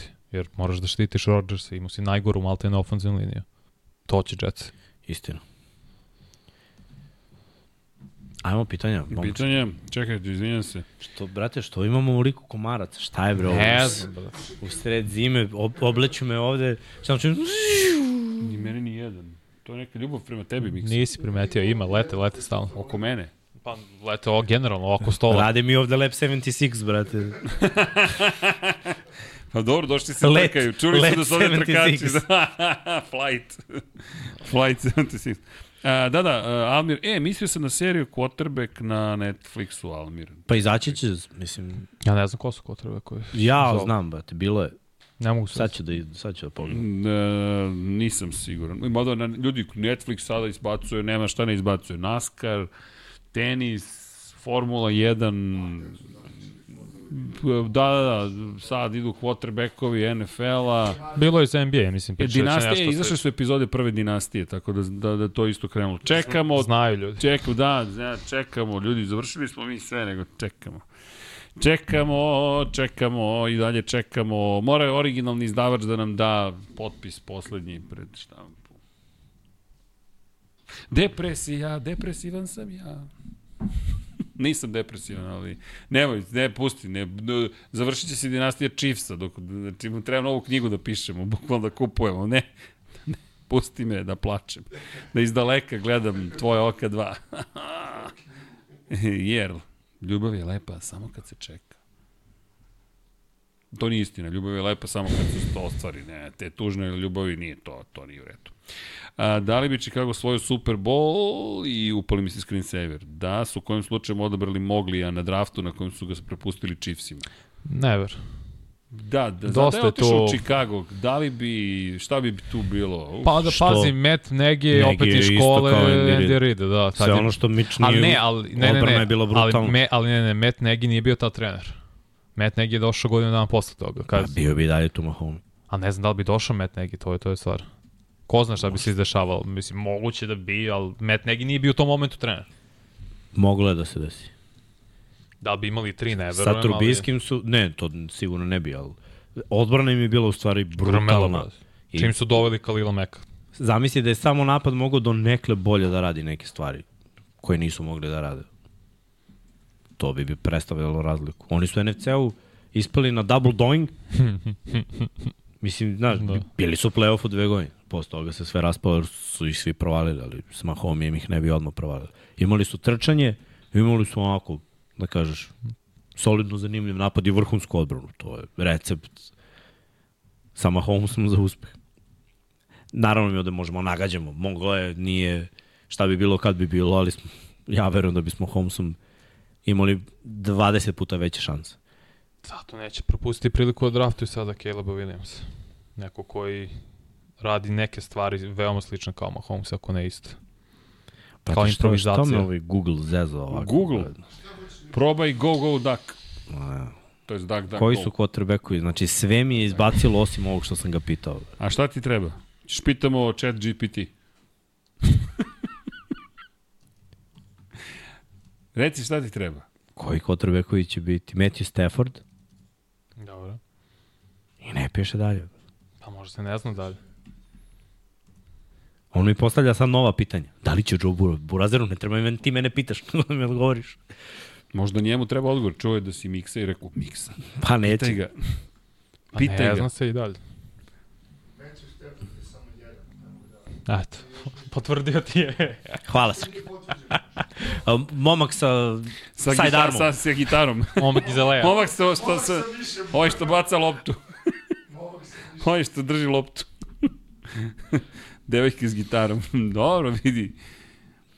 Uvijek nešto mora da se desi posebno. Može će biti neki drugi NFL igrači, pošto je dosta quarterbackova od, od, odbilo. Bilo je ponuđeno Trevoru Lawrenceu, da, Prescottu, E. Lui i Justinu Fields i James Smithu, svi su zna bude je neki drugi. prihvatio, jer je to bilo u toku sezone. Samo, samo ovaj, Stafford je prihvatio. Šta će biti s ovim drugima? To mislim bude hvatač neki.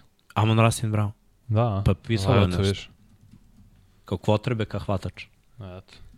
E, da, inače, bilo je pitanje šta planiramo da radimo u nastavku 99 yardi, da li se vidimo sledećeg petka. Vidimo se sledećeg petka. Vidimo se sledećeg petka. Vozimo rošule. To ti kažem. Ne znam šta I treba po stolu. Pitam za druga. Ne znam šta ćemo radimo. Ja ću da budem momak s gitarom. Ti budi Čekaj, momak. Evo, momak s gitarom. Nemam Grammy, ali nema veze. Ali tebe zna. Ti ćeš da budeš srđan Da, gitarom. srđan s gitarom, da. Ova, nema, Srđan veliki i srđan s nekada- nekada gitarom. se pojavila. dobijemo jeli, onog jednog, da kažem, sponzora, ja ću budem onaj koji radi ovo. Momak sa... Okej, okej, želim da Momak grudima. sponsor iz, mnogo, iz mnogo više razloga sada nego do sada. Odmah da ti kažem, Srki radi na nešto. Ja ne verujem. Ali okej, okay, ovo, ovo, ovo je ozbiljna priča. Ovo je ozbiljna priča. Samo moraš drugu, drugu majicu da nosiš. Da. E, moj burazir ne skida, pere naravno, ne ne te bukvalno, uh, majicu Baltimore Ravens, ljubičasto. To je 99 yardi u bojama Baltimora. Ništa, nek te Ne zameni u podcastu. Onda će on biti momak s gitarom, ne znamo ko je. Da. momak, momak sa majicom Da. Ravens. Ne, ovaj, momak s brojem 15. Ja. Radit ćemo puno stvari. I kombajn je kraj meseca. Ima, ima najava sve. toga. Slobodni agenti su onda druga nedelja marta. Draft stiže trebaš. isto. Gde je draft ove godine? Nije Arizona. Znao sam to, te da Ja, hoću čekaj, da kažem. gde je bio? Draft 2024. NFL, gde će biti? U Detroit. E, o, Detroit? Detroit, Michigan. Ćemo da odemo u Detroit. Odemo pred draft. Detroit, what? Posetimo Detroit. Baš se našao gde da idemo. Pa to ti. Ne idemo ti strojiti. Znaš, ono kao, šta ćemo pa idemo na Pistonse. ne. Koji su uveliko Ima završili svašta za se vidi, da. Koliko mi pobedi dalje devet. Dobro, hoćeš preko Kolorada da idemo do Detroita. Nećemo uopšte Detroit. Da. Nećemo... draft se bojkotuje ove godine. Da. znaš, kao Dok ne bude neka bolja Ne bude lokacija. lokacije, neki Miami. Osim ako Eminem neće da odrepuje ko je njihov pik na draftu, ne idemo. A ja baš mislim da bi bilo dobro da se ode u Detroit na draft. Razumeš? To je ono, to je priča. Da je Chicago, The pick is pa ready. ja. Dobro, uvijek možemo do, do Chicaga, da skoknemo, što kažu. preko jezera. Pa dobro, šta, New York usput se posjeti malo. O, to je to autoputa, šta 95 beše, tako zove? Ne, ne I-95, Jel jeste? čini mi se da jeste. To, trajalo bi. Tamo pa tu je fila usput, šta, gde je ne, fila, tu jeste, je... baš je fila usput. Da, pa tako je, gde je tu i Boston, Da, malo niže Sviđa dole. mi se, jeste, a onda... A onda malo nije garini vodopad i Pa, znaš tu da, je Buffalo, onda idemo do- kultura, bije do stadiona to kad smo već kod njih, To ti kažem. Orčar malo, Orchard jeste, da se malo vidi. Da ne zakačimo NBA play-off, stvarno bi bila grota. U najgornom slučaju posle Toronto, mislim. Realno. Imamo E, Min Minnesota, blizu Detroita. je, Minnesota, je, gde je, to, gde je jedna severna ekipa, to je druga. Jeste, jeste, a onda usput Indianapolis da postavimo, pošto Pa smo posle već dva idemo u meseca Seattle, posle Minnesota nego- idemo u Seattle. Minnesota, Milwaukee. Završamo, znate vi koliko od Minnesota do Seattle, znači to Pa, je ono... bliže država- nego Seattle Toronto. nam, ne, Seattle nam ne treba, Seattle nam ne treba. Kiša pada, šta? Nema tima, šta kiša pada. Idemo za Supersonics da navijamo, ne postojeće. podržavamo, ove. Razumeš? Znači, idemo do Sjetla i kažemo, vratite nam Sonicse. Uvek. Čekaj, je Oakland... Ne, ne, čekaj, čekaj. Šta? Ne, nisu tamo. Ne, Nema veze. Ko te zanima gde? Ne, ne, ne, nešto sam, nešto sam Koliko još ima pitanja? pre, prezupčio. A, nemam pojma. Da znam da li a, odem do WC-a ili ne. da li da, da podgreće ape ili... Ja, dobro. Ako Ko su imamo još puno idem. NBA? Šta? I Ko je favorit sada? Pa, Boston. ima ih. Na istoku Boston, na zapadu haos. Haos. Haos. Na zapadu razlike između prvog i sedmog večer Zapad je KFC. Svako može, ono, samo svako je, ko-. Baš je, baš je dobro. Pitanje za vanje. Ili Mahomes. A, pa ne znam. Biram pre Sabrinu. Sabrina je to. Samo baš obožam kako ona igra košarku. Stvarno i na koleđu na Oregonu je briljirala. E, Vanja, Vanja, ta tvoja kulturološka referenca 70-ih i 80-ih bi bila potpuno drugačije shvaćena. Šta je rekao? Sabrina je top. Pa ima top u ruci. Da. Zamisli da je rekao Sabrina Kua. Ne, ne, ne, ali ni ti ne znaš ko je Sabrina. Da, Pa, da. Ne, ja sam, eksplodirat će im Bešek, zato pitan imamo još pitanja, vrati, Too da. much information, znači mogu si da kažeš, moja, moram da... Mogu sam da izađem Možeš sam. da nam doneseš još Pepsi, eto, to ti izgovor. Pa mogu, evo ti. idi, ajde, ja ću odgovoram na pitanje. A ja, tamo, bre. Sad, Daj pitanje. Ovo je Mok Vanja. Daj glumimo Vanju. Ne, ne, Mok Vanja, mi tebe glumimo, razumeš? Fake Vanja. Pa da je ostavio naočare. Fake Vanja, da te pitam. Čekaj. A, je li ostavio? Ja, nije, ja, ne, moraš to, to, to, to. Nego da te pitam ja, Miksa, šta ti očekuješ na draftu u šestoj rundi, to će biti četvrti pik? 17. minutu, 6. runde i 23. sekundi tendencije. Ne, ne, ali car, kad on izlači, Da. kad se sprema za draft. Imam zapisano. Čekaj, šesta runda. Da ne, ne, ne, ja ga obožavam, zato što jedini dođe, znaš, mi smo svi, e, još imam računar, njih dvojica, eventualno mobilni i to je to. Deli nam je Jimmy, šta li radi Jimmy? ne teraj me, ne teraj me. Pa vidi, bitching hour je tu još 6 minuta do ponoći, razumeš? Sad je trenutak, reci, speak your Da, mind. ne znam da li je krenuo i, ili je, je stigao, znam da, da, da ove, smo pričali posle Superbola. Nadam se I? da uživa, mislim, tropska, tropska O, treba da malo da, da, da, da da se odmori. I nadam se da neće da mu pređe na jedan lady boy. Kakve veze ima? Pa idemo prići. Sve je to živo. Sve je to deo zabave. A, dobro. Čekaj da vidim, pobeglo su mi pitanja, otišao sam na... Gde ste, gde ste? Tu smo, Marko! A gde je Boston, tu je LA. Pa to ti kažem, da, da, da to ti je to. E, da li planete uzimanje TV prava za ELF? Da li planete odlazak na neku utakmicu? European Football League. Pa nas, nis, nismo ovaj, ne planirali te, te stvari. Još uvek. To je liga koja napreduje polako, ali sigurno, ali bilo bi lepo otići i pogledati neku utakmicu jer se igra igra svuda, ali mi, mi još uvek ne znamo Kota ono, Veke. ni kakve su nam obaveze i šta, ali da, ako se budemo nešto organizovali, možemo da... Mislim, sad je ekipa spremnija za road trip nego što je bila ikada, To, to, to, to, to, to, to. tako da možda, možda se i desi. Ali pre imamo- NBA playoff, to mora da se desi. Samo pre NBA play-offa. Pa ja se izvinjam. Nisam siguran da se tako igra. Šta kao? Kad počinje liga? Pa mislim da počinje ova... Ne, ne, ne, nije. To je naše lige počinju tako. Elf počinje u... Da, Tek tada Mm, počinje, stvarno. igraju Ja sam leto. mislio da, ja kako se razumem, to počinje od juna, već. Mm. Ja, sad ću mi... Znači, Ajde ne, ne, bio je, bilo je u julu, bravo, Bilo je, bilo je za moj rođendan je 100%. padala Barsa. Ali nije, nije sad, nije april, nego nikad ne... Naše lige, sve druge počinju u proleć, a Elf počinje po, kad se završe te lige. Jel da? Znači, kraj proleća, početak leta, tako je. Jeste upravo, maju već počinje utakmice, znam da... Pa eto, maj, eto, pa maj, brate, to je pa NBA playoff, ja se vinjam. To je već, ne, za mene mako ne. Ali se igra, igra se leti. Ajmo, pitanja, momče. E, čekaj da vidimo, propade mi pitanje za Vanju, šteta. Vratio se Vanja. Kad Čak će, i promenio kad će majicu. mock draft? Ne, Ja sam izbacio mog draft. Vanja Ima- imaju izba, na čuj sa- će, to je završeno, koja verzija mog drafta. Sad smo se šalili kao, šta će biti u šestoj rundi, četvrti pik, razumeš? Kao, š, š, š, Vanja već to ispred. Znaš što moramo da uradimo? Kraći klip Vanja za mok.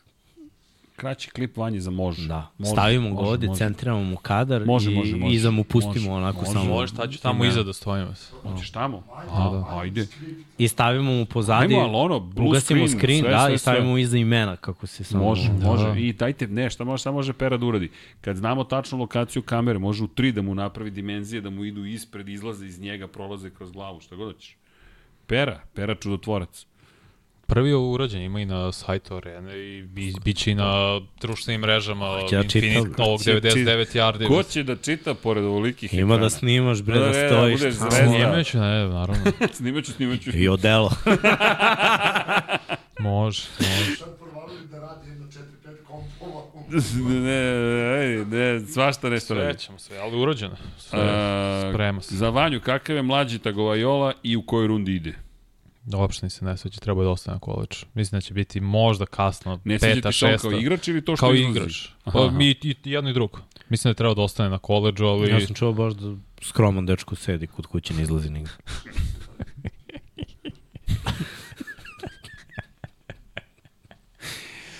Ja, dobro. Nećemo biti vredi, visok kod drafta. Gavor je počeo... Gde da ne izlaze, brate, si lud, sad je potreba tolika da iz- svako će da izađe. Nažalost, dovoljno niko dobar. neće. Pa naravno da nije. Šta ga briga. blizu, ne, mislim, nije u mojim očima, nije top 10 prospekt na poziciji Mo- quarterbacka. Ni u svojim očima nije, ali sad oni vide svoju šansu. Ne, mogu, može da uzme pare na koleđu, to je kroz NIL dealove, ugovore, pardon. Mogu da uzme veću kintu nego što će uzeti u NFL. Verovatno. Ali, A nije, stvarno nije dovoljno dobro da bi igrao na NFL nivou. hej, ja mislim i za prva tri da nisu dovoljno dobri, pa Da, to je. Da. Dobro. Bobby Patrick su bili komentatori, pa i ono halftime show kad izlazi, a, u. Dobro, bar znamo ko je bio taj gledalac. ne, ne, ali dobri, dobri su komentari, super je. E, ja sam ovde nešto, drugari, Ja, popunio. jedna Držite kritika Kome? Za Tonija Roma. Aha, što je pričao. Pa što je nije trebao pustiti ili Jima Nansa za poslednju akciju da do kraja on sam odradi, da to bude ono, stvarno na jednom vrhunskom nivou, da bude play calling za istoriju Ponelo ili ako ga je ponel, nek nastavi. Nek završi onda on akciju, a ne da, pre, da stane pa da nastavlja Nance, jedino to. Desi Često se. to radi Toni. brate. Desi To je- to je to. Vanja. Šta ćeš, ponese čoveka. Ali dobro. Toni je ove godine baš imao svoje, Ponelo ga je. svoj moment. Mm. I za neke komentare ovako. Natero je Diona da ga isprozio. Da. Dion. Dobro. Dion. Šta mi je, Greg Olson je radio baš dobar posao kao komentator, a više neće biti zato što je tu Tom sad. Pa dobro. I menjaju se. A, Nemanja Međedović, može odgovor na poruku. Na koju poruku? A, Nemanja, a, ko zna šta, šta, a kad ste mi pisali? To je sada pitanje. Može pisam 99 yardi. Kad biste znali koliko tabova ovaj čovjek ima otvoreno. Da, da, E, da, da. da. Krenuo čekaj. da čita pitanja, završio je... Srki, može odgovor? Možda si ti taj Srki. Možda je to telefon koji se sad oglasio tamo. Nije, to je ovo bre za kartice za A. glas. To su drugi ćevapi jer su se ovi ohladili. Nije, nego je ponoć i onda se oglasilo da je počeo novi Da, dan. ko je tako. Vaša poručbina je spremna. Vaša pita skoko, skoko s ovog brašna. Sad ću probam da nađem. Kako? Nemam pojma, e, Nemanja, b, Manja objasni nam koji su... samo ko, e, ja nisam dobio na Whatsapp, e, čekaj da vidim. Nije na 99 yardi. Da, nisam video. Ne, meni se tiltovao bio Whatsapp na računaru, možda su to poruke koje mogu da vidim samo na telefonu. Čekaj. Pa ja nemam, iskreno, ne znam šta se desilo, izvinite. Na Whatsapp, ne znam. Nije na, možda Infinity Lighthouse profilu. Ja nemam pristup tome. E, čekaj, možda na Instagramu, a piše Whatsapp. Pa ne. Eh, kako je život dobar kada ne moraš da proveravaš. Treba mi tebi da Kad damo. ti je ja da ti YouTube jedina društva. Kod mene samo na kad budu uveli da možeš da šalješ poruke drugima na YouTube. Ta ću YouTube da prestane. E, to Ne, više ni ne snimam podcast. To je to. Kad to uvedu, eto, da znate. Nestajem. E, Pojavljivat ću se samo onako kao Zordan. a izlazi da me mi, izlazi mi scenu. Vanja u odelu. Ja vidiš šta mi izašlo to. Pa, Kidaju nam Reelsu, ej, po 20-30 si hiljada se subscribe-ovo na 1 na 1. pregleda. Daj mi da proverim. Čuj, da, Daj mi da probam. Frkica, a? Daj telefon. Čekaj da odradi. Vidi ga, nije mi dao, nego kliknuo. Izvaljen je. E, Kao Kao ozbiljno je gledao, stvarno. Baš, baš. to što ste ozbiljni ljudi. Nema tu šale. Pa više ovaj dečko levo, ozbiljno. Pa jest, majke. On to secka. O, ozbiljan jeste. E, donirajte. E, e, Crko Srki u fond, donirajte. To, Whatsapp. Lakše je Crko poslati pitanje ovde. fond. Almire, bili su jedno vreme uveli poruke na, na YouTube-u. Kako poruke? Mislite u komentarima? Ne, ne, Ne, gde? bilo je da možeš. Bilo je? Kada je to to je davno, Davno, bilo, davno, je davno, to, da, to da. je, wow, Znam. Almire, vi ste e, e, jedan od prvih onda korisnika YouTube-a, to je baš bilo davno. Ali Nemanja, samo napišite gde je, Srđan Erceg. A Nemanja, stvarno nemam na Whatsappu poruku, on stvarno nije šala. Ne, nisam blokirao nikome telefon, nemam, ne, nemam. Nemanja, a ja se izvinjam, možete ponovo da mi pošaljete, možda se nešto slogiralo. Stvarno ne razumem. Baš sam gledao.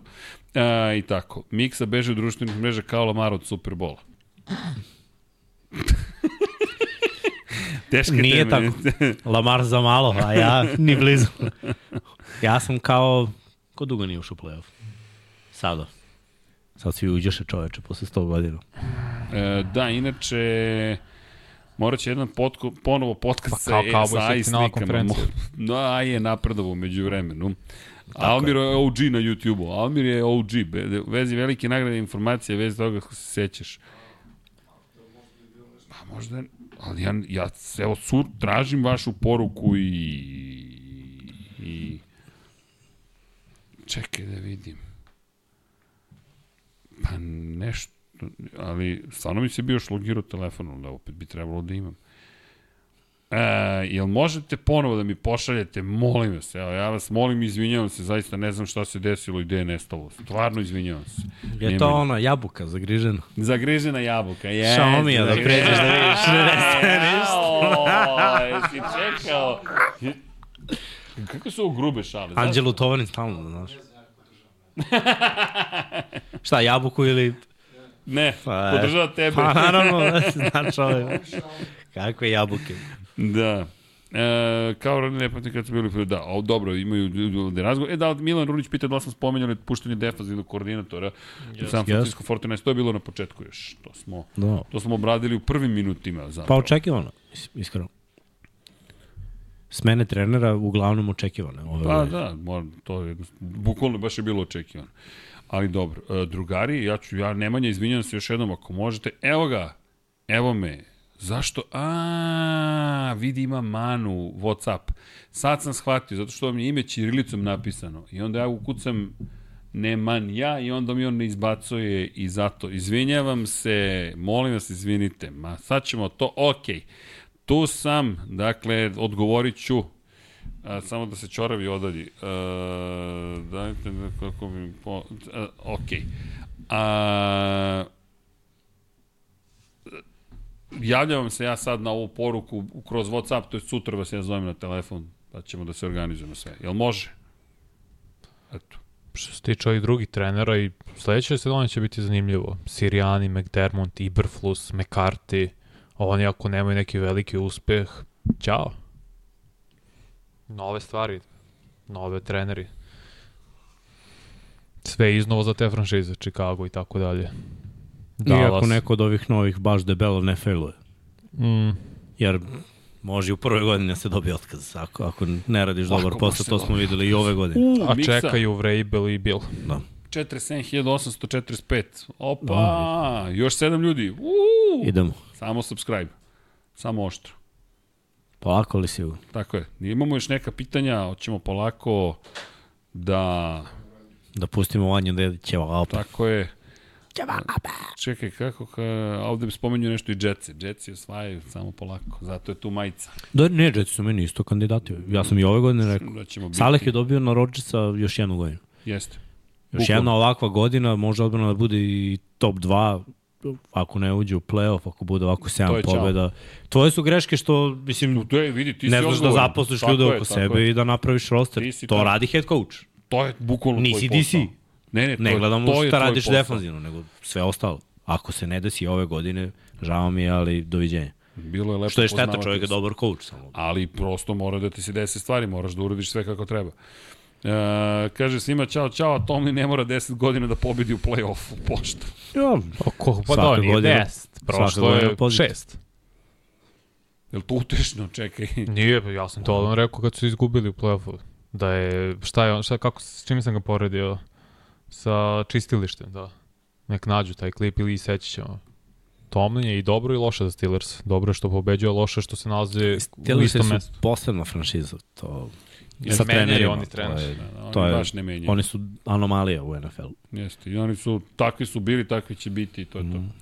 E, Ljudi, hoćemo polako da se pozdravljamo. Ajde. Ćevapi nisu se ohladili, pretvorili su se u neko novo agregatno stanje. Pitaju inače kako kad si na striktnom režimu ishrane jedeš ćevape. Pa Kako? lako, Pa, pogledajte ga proteini, kakav fit, mast, proteini, masti, sve u redu. Dobar je. Zdrav, prav. Jedeš lepinju? Malo. E, to treba da ga pitiš. Što je. za, za masti i proteine. Luka uvek. Sve ćape bez luka. Vitamini, brate, u luku. Luk je i diuretik. Ćevapi sve sa lukom, leci pa mu ruku.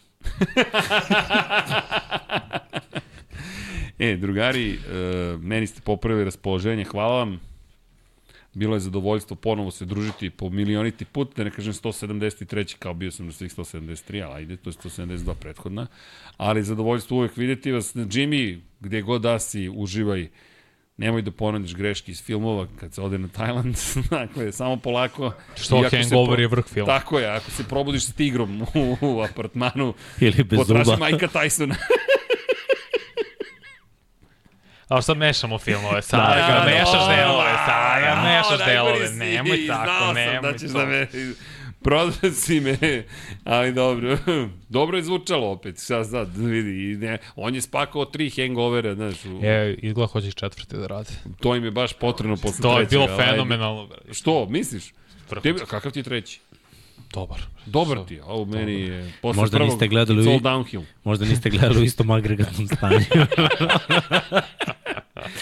Vrlo verovatno. Toplo preporučujem. Vrlo verovatno.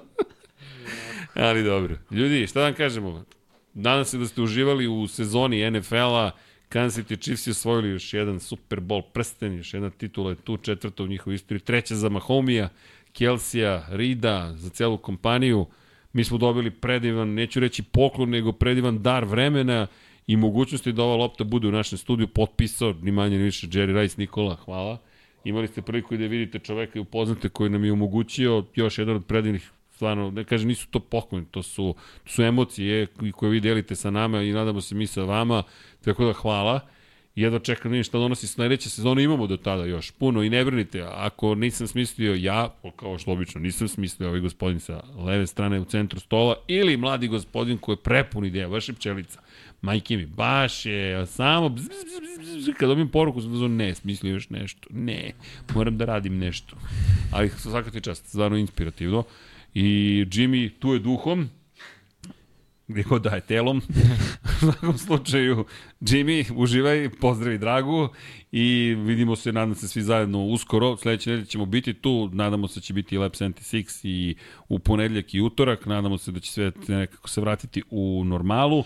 I šta vam kažemo, mazite se, pazite se, kliknite like, share and subscribe, posetite patreon.com kroz Infinity Lighthouse, naravno nam podrška znači, zaista nam omogućujete i da rastemo i da se razvijemo i da budemo i dalje nezavisni, ko Taylor Swift, da guramo svoju priču, ups, kao, Kao Kanye West. kao Kanye West, idemo i da se zabavljamo ljudi. I to je jedino što je bitno da, da, da nekako bude pozitiva.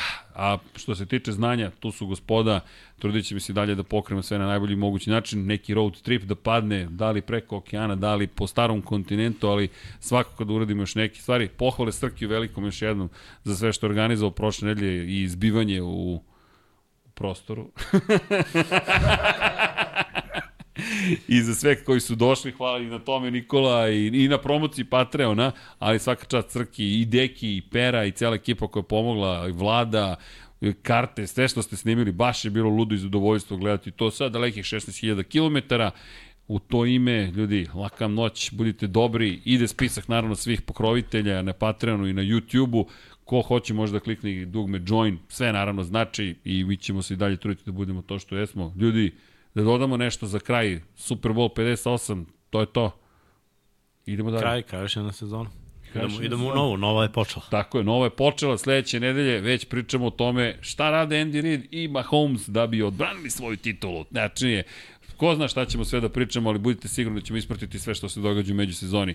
E, pozdravi našem dragom sponzoru koji se nadamo da će ostati i postati još veći sponsor tokom sezone koja je pred nama. Ekipa iz Pepsija, zadovoljstvo isto sarađivati sa njima i baš je bilo dobro, a tebi želim da dođe taj sponsor, ja želim da vidim to što si upravo pokazao iza kulisa, ispred kamera. Ljudi, laka noć, Ovo je bila ekipa 99 Yardi, u ime cijele ekipe Infinity Lighthouse. Šta vam kažemo? Ćemo na 58 da se pozdravimo. Samo to i ćao svima, a? 5 Ok, 5-8. Dobro. A, gde gledamo? E, Svako svoju? Svako ne, svoju. ne, svako svoju. 5-8. Ćao Ćao svima. svima.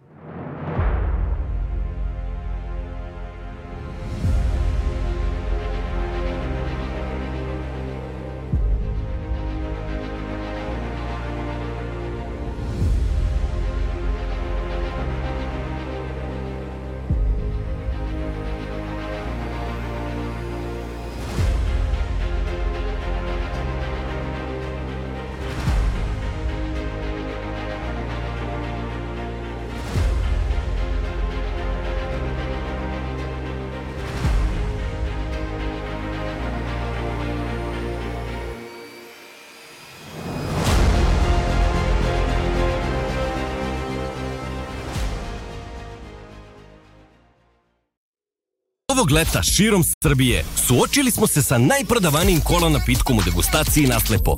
Više od 20.000 učesnika pridružilo se Pepsi izazovu. Pitali smo koji kola ukus vam se više dopada. 57% učesnika izabralo je Pepsi ukus. Hvala na učešću. Prati svoju